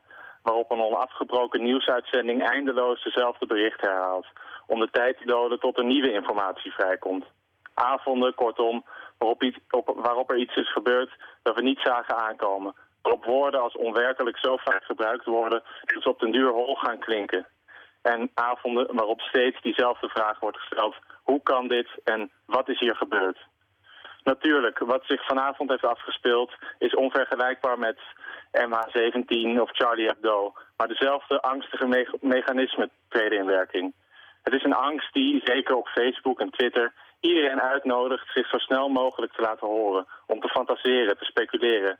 En ik betrap mezelf juist op de gedachte, waarom? Waarom nu al zoveel kreten? Waarom spreekt de Telegraaf morgen op de voorpagina, en dat is echt waar, over een geesteszieke en zijn kwaadaardige boodschap? Kunnen we niet juist nu even stil zijn en afwachten en niet meteen met z'n allen schreeuwen? De laatste weken wordt veelvuldig de vraag gesteld of kunstenaars stelling moeten nemen in tijden waar zoveel mogelijk, waar zoveel mensen, pardon, richtingloos lijken. Behoren ze op avonden als deze, behoor ik nu op een avond als deze een statement te maken. Ik geloof eerlijk gezegd juist dat nieuwsgierigheid zich ervoor leent om zonder woorden plaats te vinden. Natuurlijk schrik ik ook van die beelden. Natuurlijk komen ook vragen bij mij op. Maar betrokkenheid uiten is toch geen manier om jezelf te laten gelden, om anderen te overstemmen. Volgens mij is verwarring juist een houding die ook zijn eigen intimiteit kent. In pijn, in woede, in frustratie en ook in stilte. Vlak voor deze uitzending van Nooit meer slapen begon... had een erkende journalist het op Twitter over een computernetwerk. Een andere sprak over een geschifte gek als dader. Het leek bijna hoopvol. Alsof we na de Russen en de IS ook nog een andere vijand kunnen bedenken. Alsof we dan onze eensgezinde angst tenminste een bestemming kunnen geven. Ideologieën achter aanslagen vinden we eng, maar een gebrek aan ideologieën vinden we uiteindelijk nog veel enger. Dankjewel, Thomas Heerma van Vos, voor uh, deze beschouwing bij deze toch wat uh, verwarrende dag en vooral uh, verwarrende avond. En morgen, ja. morgen weer een, een, verhaal, nog één deze week van jou. En voor nu wens ik je een hele goede... Ja, en, hetzelfde en sterkte daar. Nou, komt wel goed hoor. Mooi. Dankjewel. Goeienacht. Een producer uit Buffalo, New York, met tal van grootheden heeft hij platen opgenomen. Daarna startte hij zijn eigen platenlabel, Dream On is daarvan de naam. En hij maakte nu ook een, een plaat, We Fall, zal binnenkort verschijnen. Een van de liedjes nam hij op met zangeres Lana Del Rey. En hier is Emil Haney met Wait for Life.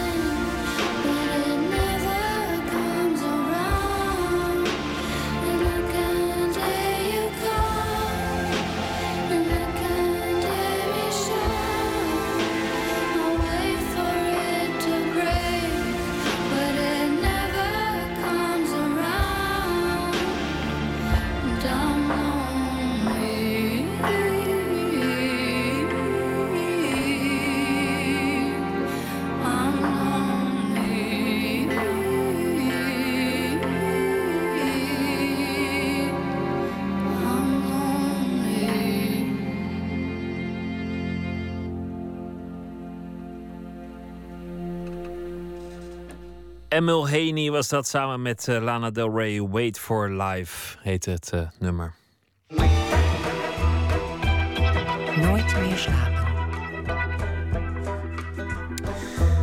Danae Curvers maakt uh, kleding voor mensen die tijdelijk of misschien wel voor altijd van geslacht veranderen. Ze ontwerpt vooral corrigerende kleding en badmode. Dat doet ze al tien jaar. En steeds meer mannen of vrouwen of nou ja, alles daartussenin klopt, bij haar, kloppen bij haar aan. Verslaggever Nicole Terborg die spreekt de modeontwerpster in haar atelier in Amsterdam.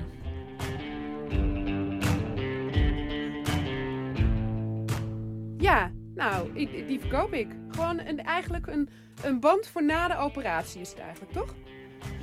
Uh, ja, die heb ik gewoon. Uh, dus, die, die uh, kan je in principe gewoon bestellen. Maar je zal hem snel nodig hebben, denk ik, of niet?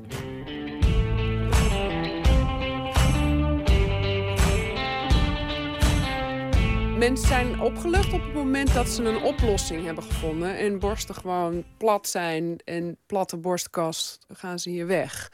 Dat is, dat is natuurlijk een heel fijn gevoel, want die borst die zit gewoon enorm in de weg.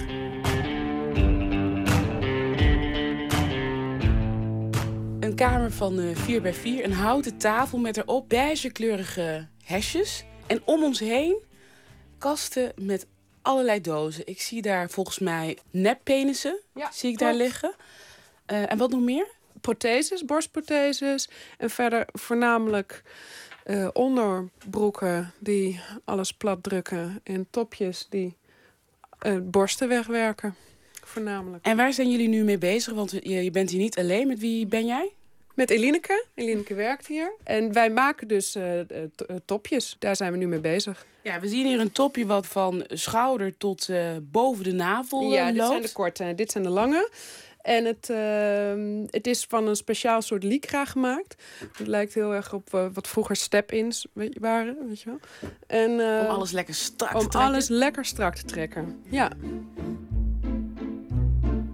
Oké. Okay. Dus dan zou je in principe vrijdag langs kunnen komen. En dan, want ik zit op zich niet ver van het VU af. En dan kunnen we gewoon passen welke goed zou zijn. De eerste keer dat ik een topje maakte, dat was omdat mijn broer bij me langskwam. En die ging toen. Uh, dat, mijn broer was mijn zus. En die ging toen het traject in. Um, in Groningen bij het ziekenhuis. Dat hij, uh, hij kreeg groen licht, zeg maar. Dus hij kon met hormonen beginnen en dat soort dingen. En dan moet je dus eigenlijk twee jaar lang al als het andere geslacht leven. Dus hij had een topje nodig uh, wat zijn borsten wegwerkte. Dus toen heeft hij mij gevraagd van wil jij uh, daar een ontwerp voor maken? Nou, dat hebben we passen en meten en hebben we iets gemaakt. En, en zo is dat ontstaan. En zo, toen kwamen er zeg, meer vrienden van hem gingen me bellen en mailen en zo is dat dus allemaal langzaam uitgebouwd. Dus ik heb nooit echt een directe keus gemaakt van dit ga ik nu doen. En wat betekent dat dat je hier ingerold bent? Dat het dus niet een bewuste keuze is geweest? Ja, uh, nou, maar het past wel heel erg bij me op een of andere manier. Het is wel heel erg mijn. Het, het hoort het hoort wel echt bij me, dit werk. Gewoon op alle vlakken. Dus het, het kleding maken, maar ook contact met de klant en zo. Dus uh, ja, je zou het ook gewoon, als je gewoon je maat weet, kunnen hem gewoon, dan kan ik hem gewoon opsturen. M mijn broer heeft wel echt geworsteld met zichzelf. Uh, en dat is echt wel, hij is, dat is wel heel mooi om te zien hoe hij echt naar zichzelf toegegroeid is. Hoe was het voor jou toen uh, hij naar je toe kwam van... hé, hey, ik, ja, ik, ik voel me man en ik wil een operatie ondergaan. Hij was toen in de 20, hè? 27? Ja.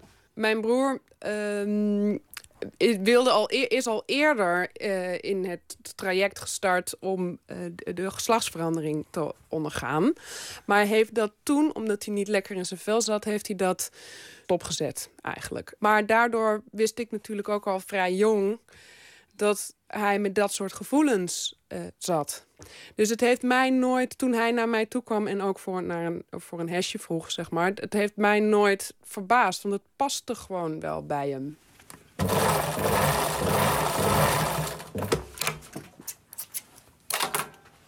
Jij mag deze even voor me keren.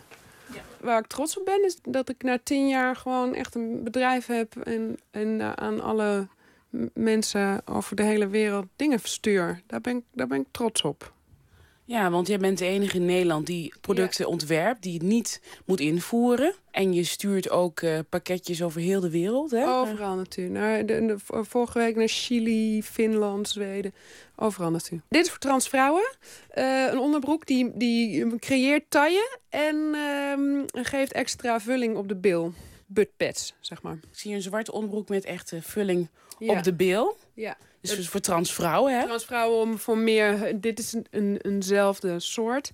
Dit is meer voor op de heup. Dit geeft meer heupvorming. Ja, het is heel moeilijk om een soort heup te creëren, hè? Ja, ja daar zit je al met, ook met, met vulling, met, met, uh, met schuimrubber en zo. Ben je zelf ook wijzer geworden als je kijkt naar man-vrouw?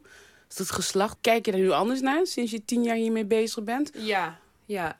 Er, zijn, er is veel meer dan alleen man en vrouw. Dat, die hebben daar veel meer kleuren in. Waar, waar, moet ik dan aan denken? Je, hebt mannen en vrouwen. Je hebt vrouwen die man worden, mannen die vrouw worden. Je hebt uh, uh, vrouwen die af en toe man willen zijn. Je hebt mannen die af en toe vrouw willen zijn. Je, weet je wel, je hebt... Daarbinnen zijn zoveel verschillende variaties mogelijk. Ik ben daar wel echt door de afgelopen tien jaar heel anders naar gaan kijken. Omdat iedereen natuurlijk zijn verhaal vertelt. En zijn uh, gevoelens. Oké, dan zou ik gewoon extra large, extra, extra large doen. En dan, kijk, want je kan hem toch een beetje op maat verstellen. In het begin zijn mensen altijd nog aftastend en afwachtend. En weten ze niet zo goed wat ze, eh, wat ze ook willen. Dus je, moet dat, je kan dat dan begeleiden, zeg maar. En, en hoe langer je mensen door de jaren heen... of op een gegeven moment terugkomen voor nog een hash of zo... De, hoe comfortabeler ze zijn. Het worden vaak echt mannen en vrouwen, weet je. Dat is heel leuk om te zien. Het, het, het, het verschil. Heb jij een schaar voor mij, Elineke?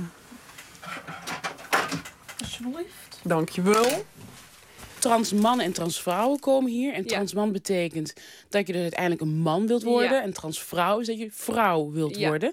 En ik zie hier dus een doos met allerlei uh, penissen. Ja. En dit is, uh, dit is dus voor de transmannen. Eigenlijk de trans. En ik zie hier uh, blanke, maar heb je bijvoorbeeld ook bruine?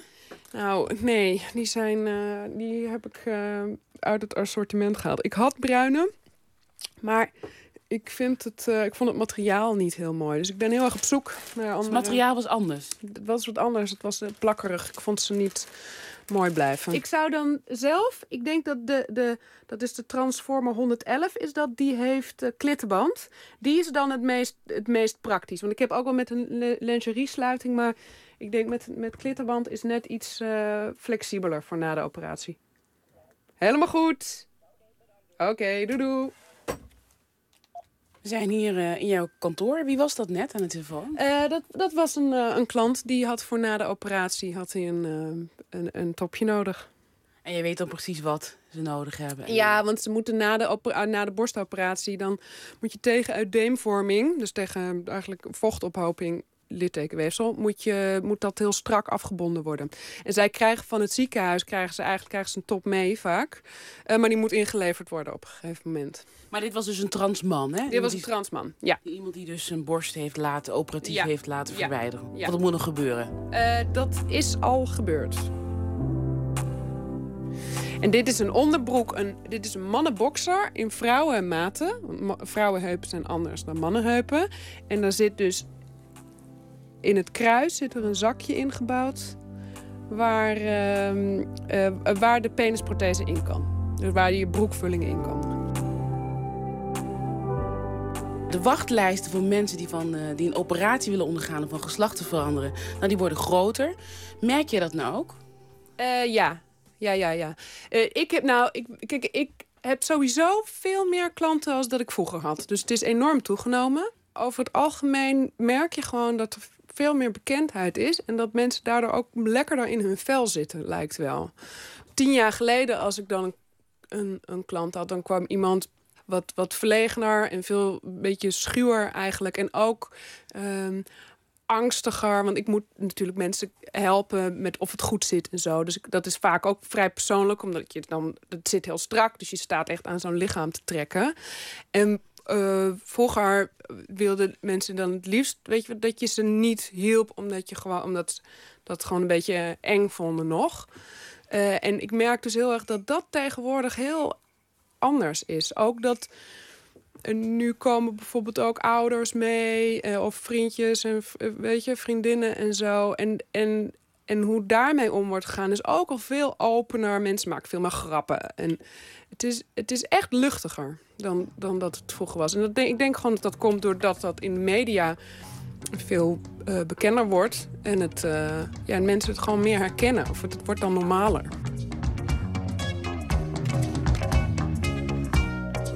Verslaggever eh, Nicole Terborg op atelierbezoek bij modeontwerpster Dane Curvers. Bob Dylan, ja, hij kondigde het al een tijdje geleden aan. En toen dachten mensen nog dat hij misschien een grap maakte. Maar een hele plaats met alleen maar covers van nummers die bekend zijn gemaakt door Frank Sinatra. Ja, Bob Dylan, die toch niet zo'n hele mooie stem heeft als uh, crooner. Je zou het niet bedenken. Maar het album is er en uh, de recensies die zijn uh, merkwaardig nog heel erg lovend. En het, het werkt op de een of andere manier. Shadows in the Night is de titel van het album en het nummer is Stay With Me.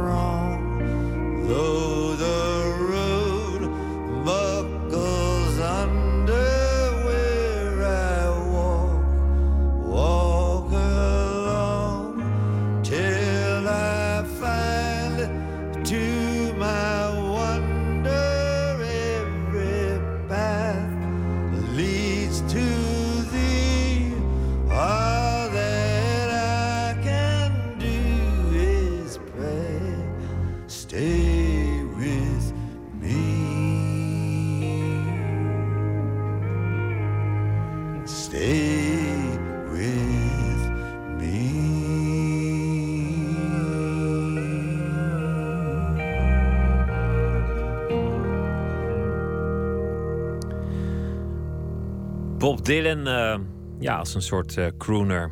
Nummers die onsterfelijk werden gemaakt door Frank Sinatra. Stay With Me was dat. Nooit meer slapen.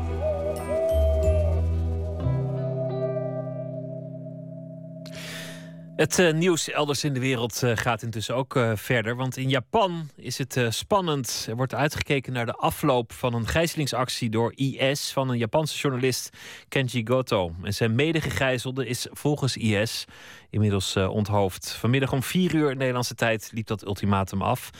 Als dan een Iraakse terroriste niet vrijgelaten zou zijn door Jordanië, dan zouden Kenji Goto en een Jordaanse piloot om het leven worden gebracht. En in Japan wordt dit op de voet gevolgd en wordt uh, meegeleefd.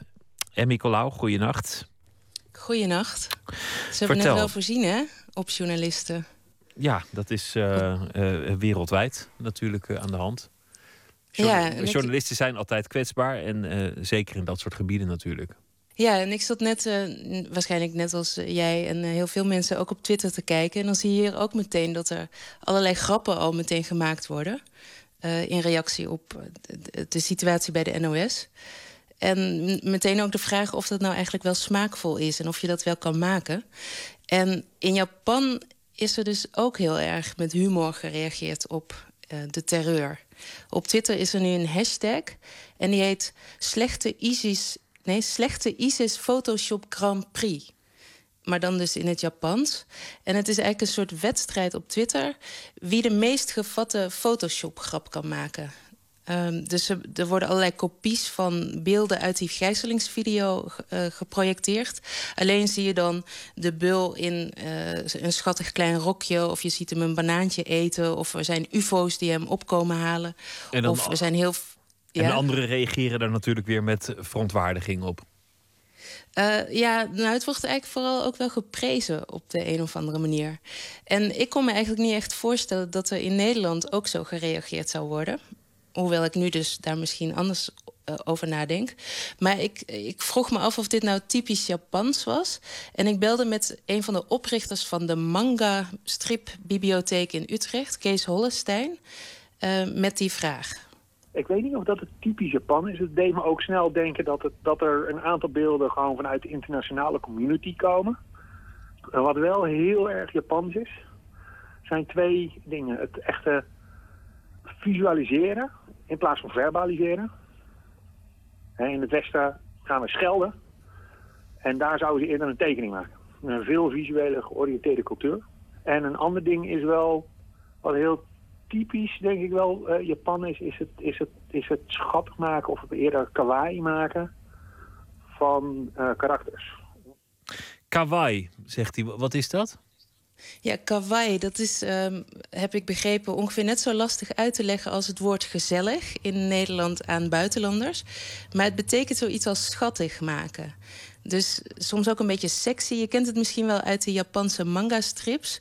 Dus van die meisjes met van die grote ogen en schattige jurkjes aan en strikjes op hun hoofd. En op die gefotoshopte ISIS-beelden zie je dat eigenlijk terug. Dus die ISIS-strijders die zijn ook schattig gemaakt.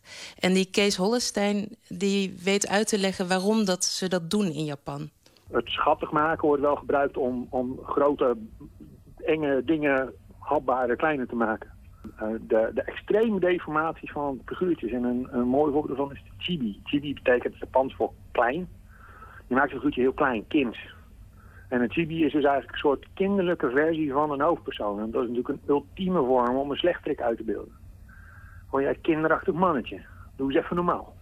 Kom je ook wel in, in veel manga wordt dat gebeurd. Dat de, als, het, als de spanning echt heel erg hoog wordt, dat dan de slechterik als chibi, als kindkaraktertje neergezet wordt en die staat te stampvoeten om zijn frustratie te uiten. En opeens is die aandoenlijk, opeens is die kawaii geworden. Ja, dit soort satire, dat, dat past ook bij social media. En uh, de verontwaardiging over die satire past ook bij social media. Het is eigenlijk gewoon alles wat onder mensen gebeurt, gebeurt daar ook alleen dan voor iedereen uh, zichtbaar. Wat weet je eigenlijk over hoe dat in het Midden-Oosten zit? Zeg maar de andere kant van, van deze kwestie. Hoe gaan ze daar met, uh, met satire om op social media? Ja, dat heb ik gevraagd aan Abdul Bouzerda, eh, journalist en IS-kenner.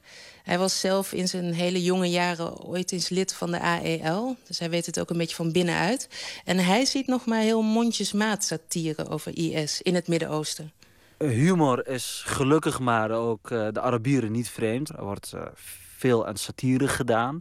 Um, als het gaat om humor, um, om uh, IS te deconstrueren en de boodschap uh, tegen te spreken, dan zie je dat eigenlijk niet op dit moment in de Arabische wereld. Er zijn uitzonderingen, maar die zitten, zeg ik even maar tussen twee aanhalingstekens, in verdachte hoek.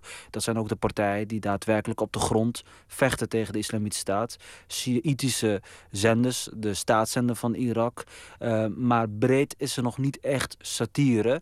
Wat je wel ziet, um, satirische cartoons in de Arabische wereld, met name online, die zijn er. Waarbij men jihadisten bijvoorbeeld als seksbeluste uh, strijders neerzet. Of uh, waarbij men ze portretteert als roekeloos of naïef. Die voorbeelden die zijn er al veel langer, maar die hebben nog niet echt indruk gemaakt. Nee, nu was uh, vandaag dus ook in het nieuws dat uh, um, in de Volkskrant stond dat een, was de EU-terrorismecoördinator. Die stelde voor dat Europa een soort tegenpropaganda zou moeten gaan maken. En ja, ik dacht dat zullen dan natuurlijk hele humorloze films worden. En misschien zou humor wel een veel beter wapen zijn. Zou het kunnen helpen? Ook daar moet ik heel voorzichtig in zijn. Ja, misschien.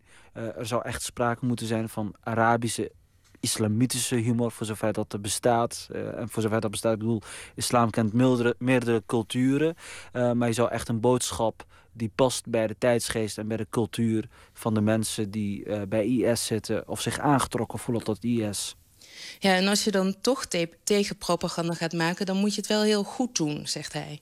De, de kracht van de islamitische staat is dat ze um, de mensen voorschotelen dat zij de ware islam uh, verkondigen. Dat is de kracht. Nou, hoe, wat zou je er tegenover moeten zeggen, zetten? Is namelijk moslims uh, die zelf uitleggen van dat islam anders is. En op een andere manier, uh, uh, hoe het, vorm zou moeten krijgen. Dus je zou er een andere islamitische inhoudelijke boodschap tegenover moeten zetten.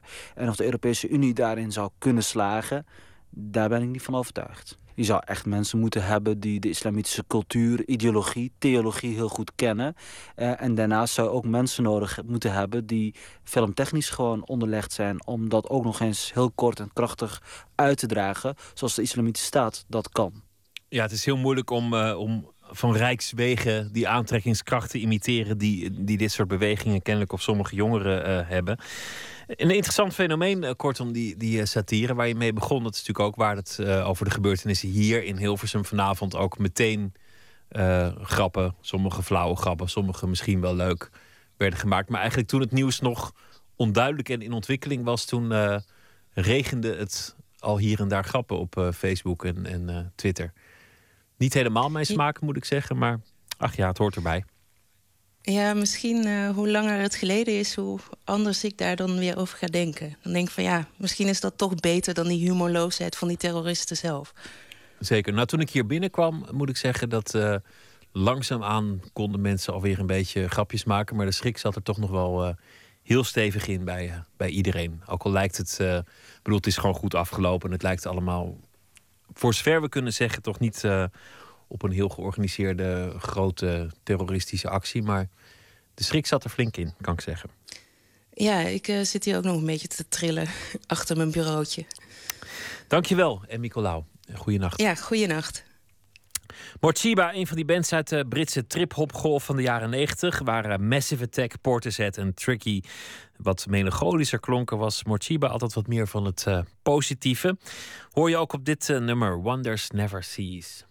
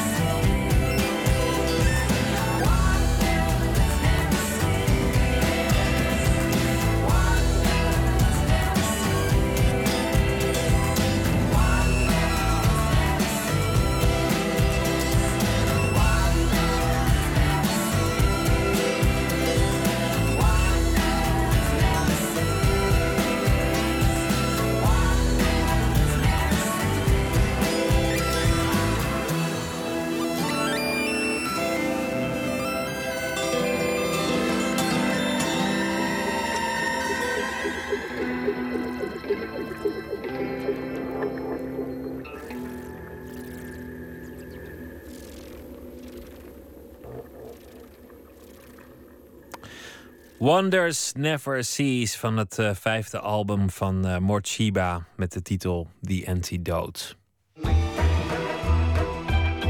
Nooit meer slapen. In haar nieuwe roman Het Huis achter de Wilgen roept Mariette Havenman het Zuidwest-Drentse landschap zo krachtig op dat het lijkt alsof het niet alleen een decor is voor het verhaal, maar eigenlijk een personage. Het landschap als personage dat bewoners en passanten gevangen houdt. Iedereen die dat gebied wil bewonen of er iets wil realiseren, zal rekening moeten houden met de bijna boosaardige aanwezigheid van de natuur en de geschiedenis. Matthijs Deen die ging dat uh, boosaardige landschap in met de schrijfster.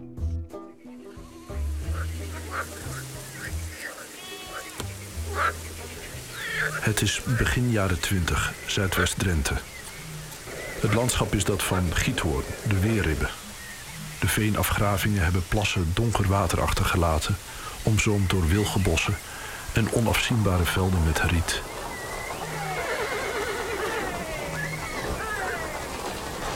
De mensen die er wonen hebben gebrek aan alles.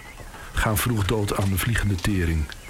In het water zwenken langzame vissen uit het riet klinken onheilspellende geluiden. Dit is het decor van Het Huis achter de Wilgen, de nieuwe roman van Mariette Havenman. Haar verhaal gaat over een welgestelde familie te Wolde... die midden in dit decor van ruisende ellende een landhuis bezit, Boshoort... van waaruit ze een handel drijven in meubels gemaakt van riet. Een lokaal weeshuis levert goedkope rietvlechters. De machtsverhoudingen zijn duidelijk. Iedereen schikt zich. Zo gaan de jaren voorbij.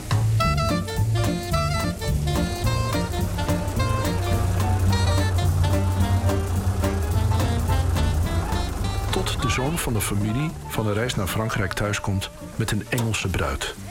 Een modieuze vrouw van de wereld die het vaste voornemen heeft om een plek te veroveren in de harten van de familie en de omwonenden van Bosoort.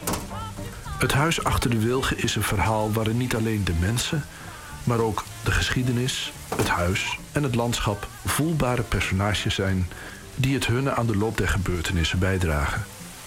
En om te laten zien hoe het kan dat ze als geboren en getogen Holland stadskind dat duistere decor heeft weten op te roepen, neemt Mariette Havenman me mee naar de Velhorst. Een landgoed tussen Zutphen en Lochem, waar ze twintig jaar met haar gezin gewoond heeft. Nou, het is zo'n zo'n typisch uh, Nederlandse buitenplaats. Wel een vrij kleine in zijn soort. Want je hebt overal uh, soorten en maten, dus ook in buitenplaatsen. En, uh, en ja, er zit zo'n heel gebied omheen met moestuinen en een boomgaard waar we nu lopen. Maar wat ziekig dat jij in, op een buitenplaats woonde. Hoe kan dat dan? Ja, nou dat was... Uh, wij waren op een gegeven moment aan het fietsen hier in de omgeving. En toen uh, zagen we dat huis liggen, zo in de verte. En dachten van, uh, wat een mooie plek. En toen hoorden we van, van mijn schoonouders die in de omgeving wonen... dat het al heel lang leeg stond, al drie jaar. Dus toen hebben we gewoon maar een beetje voor de lol een brief geschreven... naar Natuurmonumenten met de vraag of, wat de plannen daarmee waren. En ja, eigenlijk of wij daar zouden mogen wonen. En dat... Uh, dat mocht? Dat mocht, ja.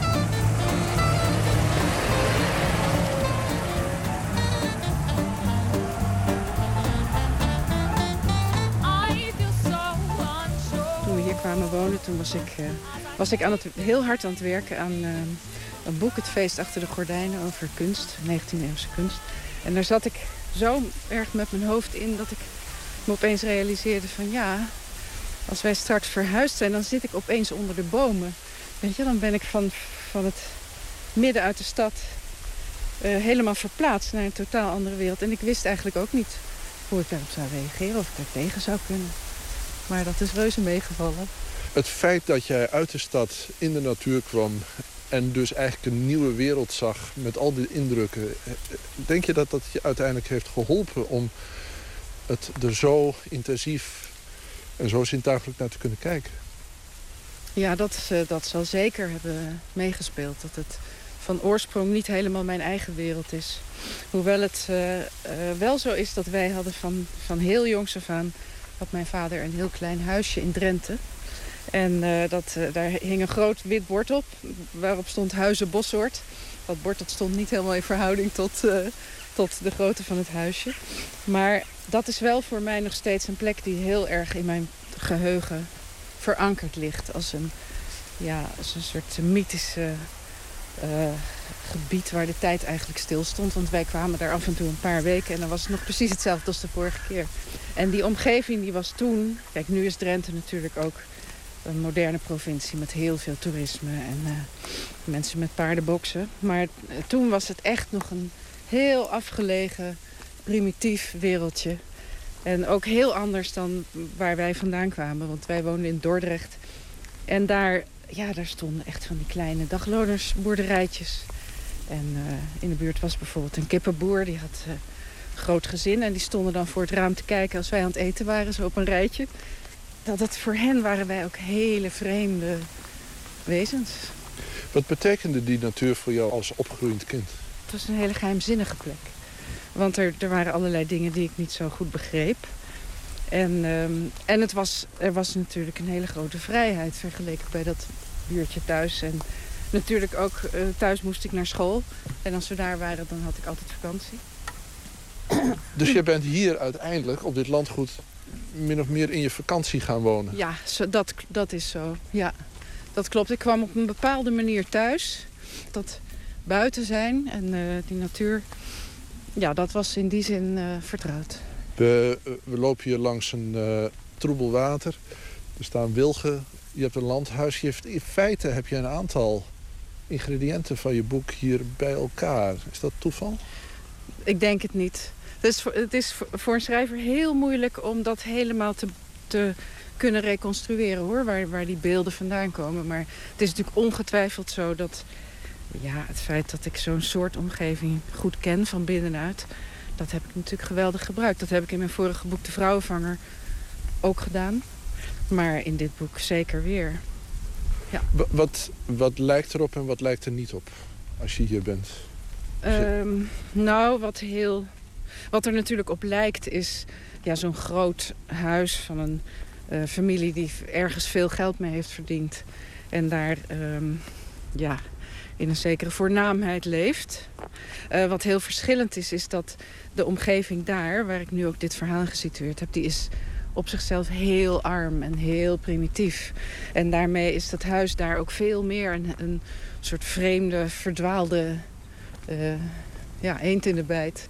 Uh, zo'n beetje achter de wil, echt een stukje teruglopen. Oh ja, wat, wat, wat, je zegt, je moet even teruglopen en dan kijken. Wat, want wat, wat is aan de hand? Nou, dan zie je zo'n groot huis achter de, in de verte achter de wilgen staan. Achter zo'n landgoed wat erbij hoort. En uh, dan zie je, krijg je ook het effect van wat zo'n huis doet. Hè? Dat het iets heel, uh, bijna als een persoonlijkheid zich meedeelt aan de omgeving. Het gaat over een welgestelde familie die in de arme omgeving toch probeert geld te verdienen... door riet en wilgen te exporteren en daar meubels van te maken. Mm -hmm. Maar het gaat tegelijkertijd ook over misplaatst zijn... of in ieder geval...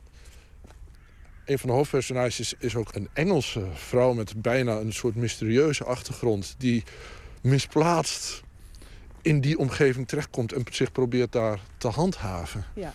Dan moet ik dus ook denken aan jouw eigen leven. Dat je als stadskind in het, uh, op het platteland komt. Uh, nou, daar kan ik wel iets over zeggen. Dat is, um, uh, nou ja, behalve dat huisje wat wij hadden daar in Drenthe... waardoor ik die wereld die ik beschrijf behoorlijk goed ken... Van, juist, vooral ook die oude wereld die er nu niet meer is...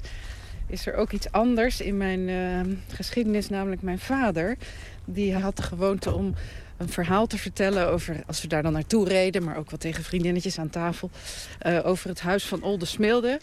En dat was dan het Drentse havenzaten... waar onze voorouders zouden hebben gewoond. En daar woonde dan een baron die uh, de omgeving bestierde... en waar iedereen bang voor was.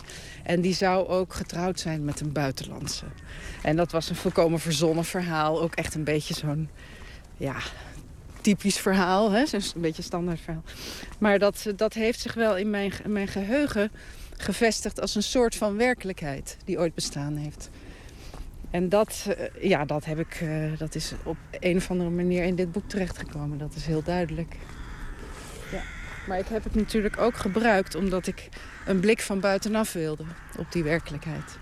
En, en daarvoor heb je een buitenstaander nodig. Hebben we echt wel toegang tot onze geschiedenis? Nee, ik denk eigenlijk van niet. Ik ben daar eigenlijk heel pessimistisch over. Of De vraag of je ooit echt toegang krijgt tot het verleden. Als je al ziet hoe, hoe lastig het is om je eigen geschiedenis weer tevoorschijn te halen. dat is dat, wat je je herinnert is zo persoonlijk en dat zit zo in flarden en toevallige waarnemingen. Laat staan dat je je een beeld moet vormen van een, een, een veel ja, vreemdere geschiedenis of, of een verder weggelegen geschiedenis. Ik geloof ook echt niet dat, het, dat dat echt gereconstrueerd kan worden. Toch is wat jij doet in het boek is wel proberen om um, uh, contact te maken met de geschiedenis echt, echt via de zintuigen. Hè? Dus uh, via het landschap en uh, via de geuren en via ja, de gemoedsaandoeningen die eigenlijk universeel zijn... zoals verraad of eenzaamheid. Dus alles bij elkaar aandoeningen die, die nu nog wel heel erg herkenbaar zijn. Dus je, je doet wel een poging om er te komen je hebt je verbeelding wel degelijk nodig. Een historicus zonder verbeelding is een slechte historicus. Het feit dat jij gewoon een roman hebt geschreven... dat vrijwaartje van notenapparaat of waarschuwingen... of je kan gewoon lekker je gang gaan. Ja, binnen een roman ben je volkomen vrij. Dat is iets heel prettigs. En misschien voor mij als kunsthistoricus... dat ik ook daar die, die vrijheid nog meer weet te waarderen omdat ik, uh, ja, het kan, ik kan het niet altijd gebruiken op die manier. Nee. Uh, jouw roman is jouw vrijheid. Ja, zeker zo. Ja. ja.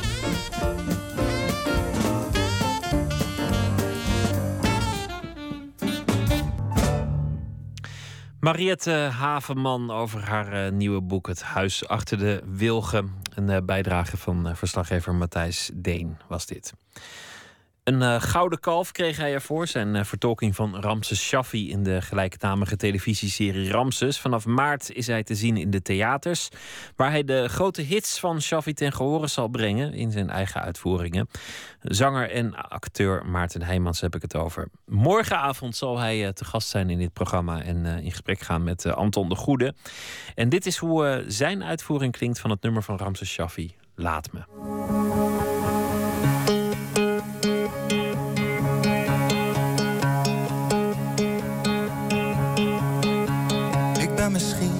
Geboren. Of in een land met ander licht Ik voel me altijd wat verloren Al toont de spiegel mijn gezicht. Ik ken de kroegen, kathedralen. Van Amsterdam tot aan Maastricht. Toch zal ik elke dag verdwalen. Dat houdt de zaak in evenwicht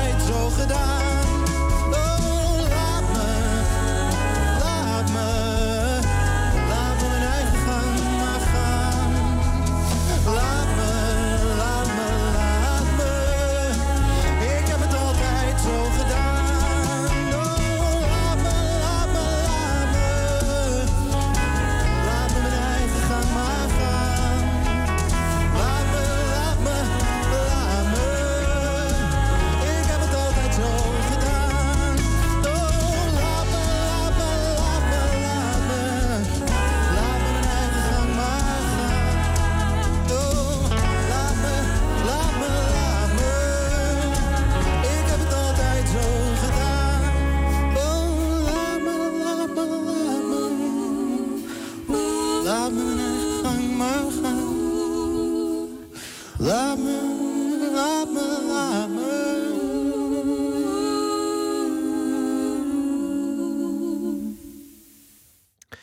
Maarten Heijmans zong het uh, nummer van Ramses Shaffi, uh, Laat me. En zijn theatertour begint 1 maart. Morgen zal hij te gast zijn uh, in dit programma bij Anton de Goede. Ook om te praten over een telefilm, het mooiste wat er is... want die wordt komend weekende uitgezonden op de televisie. Ingmar Heitz is uh, dichter. Deze week zal hij uh, elke nacht uh, zijn favoriete gedicht voordragen. Of een van zijn favoriete gedichten. Zijn hele leven is hij zelf al dichter en schrijft hij over de levensvragen. Over de problemen in de wereld. Over zijn eigen leven, de liefde, nou noem maar op. Een nieuwe bundel is verschenen deze week. De man die ophield te bestaan. Met gedichten over zijn ervaringen als uh, kerstverse vader. Het nu volgende gedicht gaat uh, ook over ouderschap. Niet gek, pap, niet gek van de Amerikaanse dichter Jan Heller Levy.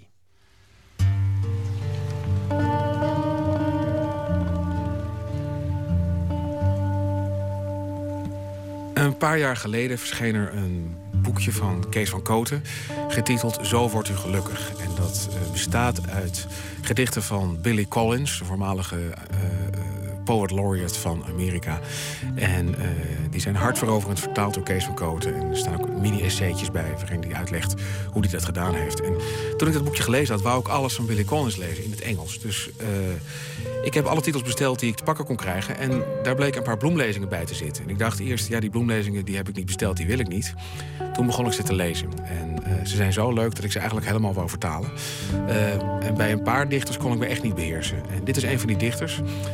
Zijn naam is Jen Heller Levi. En het gedicht heet in vertaling Niet gek, pap, niet gek. Ik denk dat je het meest jezelf bent als je zwemt. Het water scheidend met elke slag. De grappige manier waarop je ademhaalt. Je mond in een O alsof je gaapt. Je bent niet bijzonder goed of slecht in heen en weer glijden van hier naar daar. Medailles zitten er niet in, papa, maar verdrinken zul je evenmin.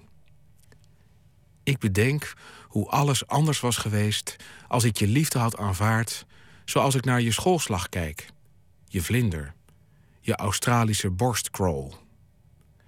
Maar ik dacht dat ik verdronk in die ijskoude oceaan tussen ons in.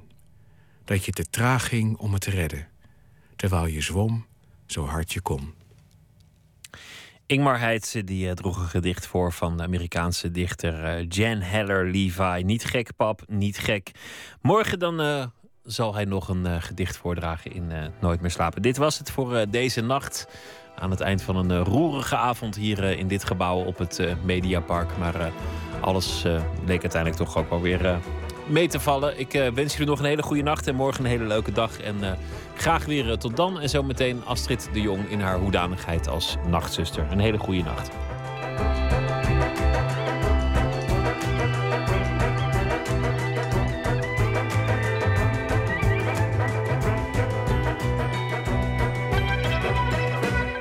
Op Radio 1, het nieuws van alle kanten.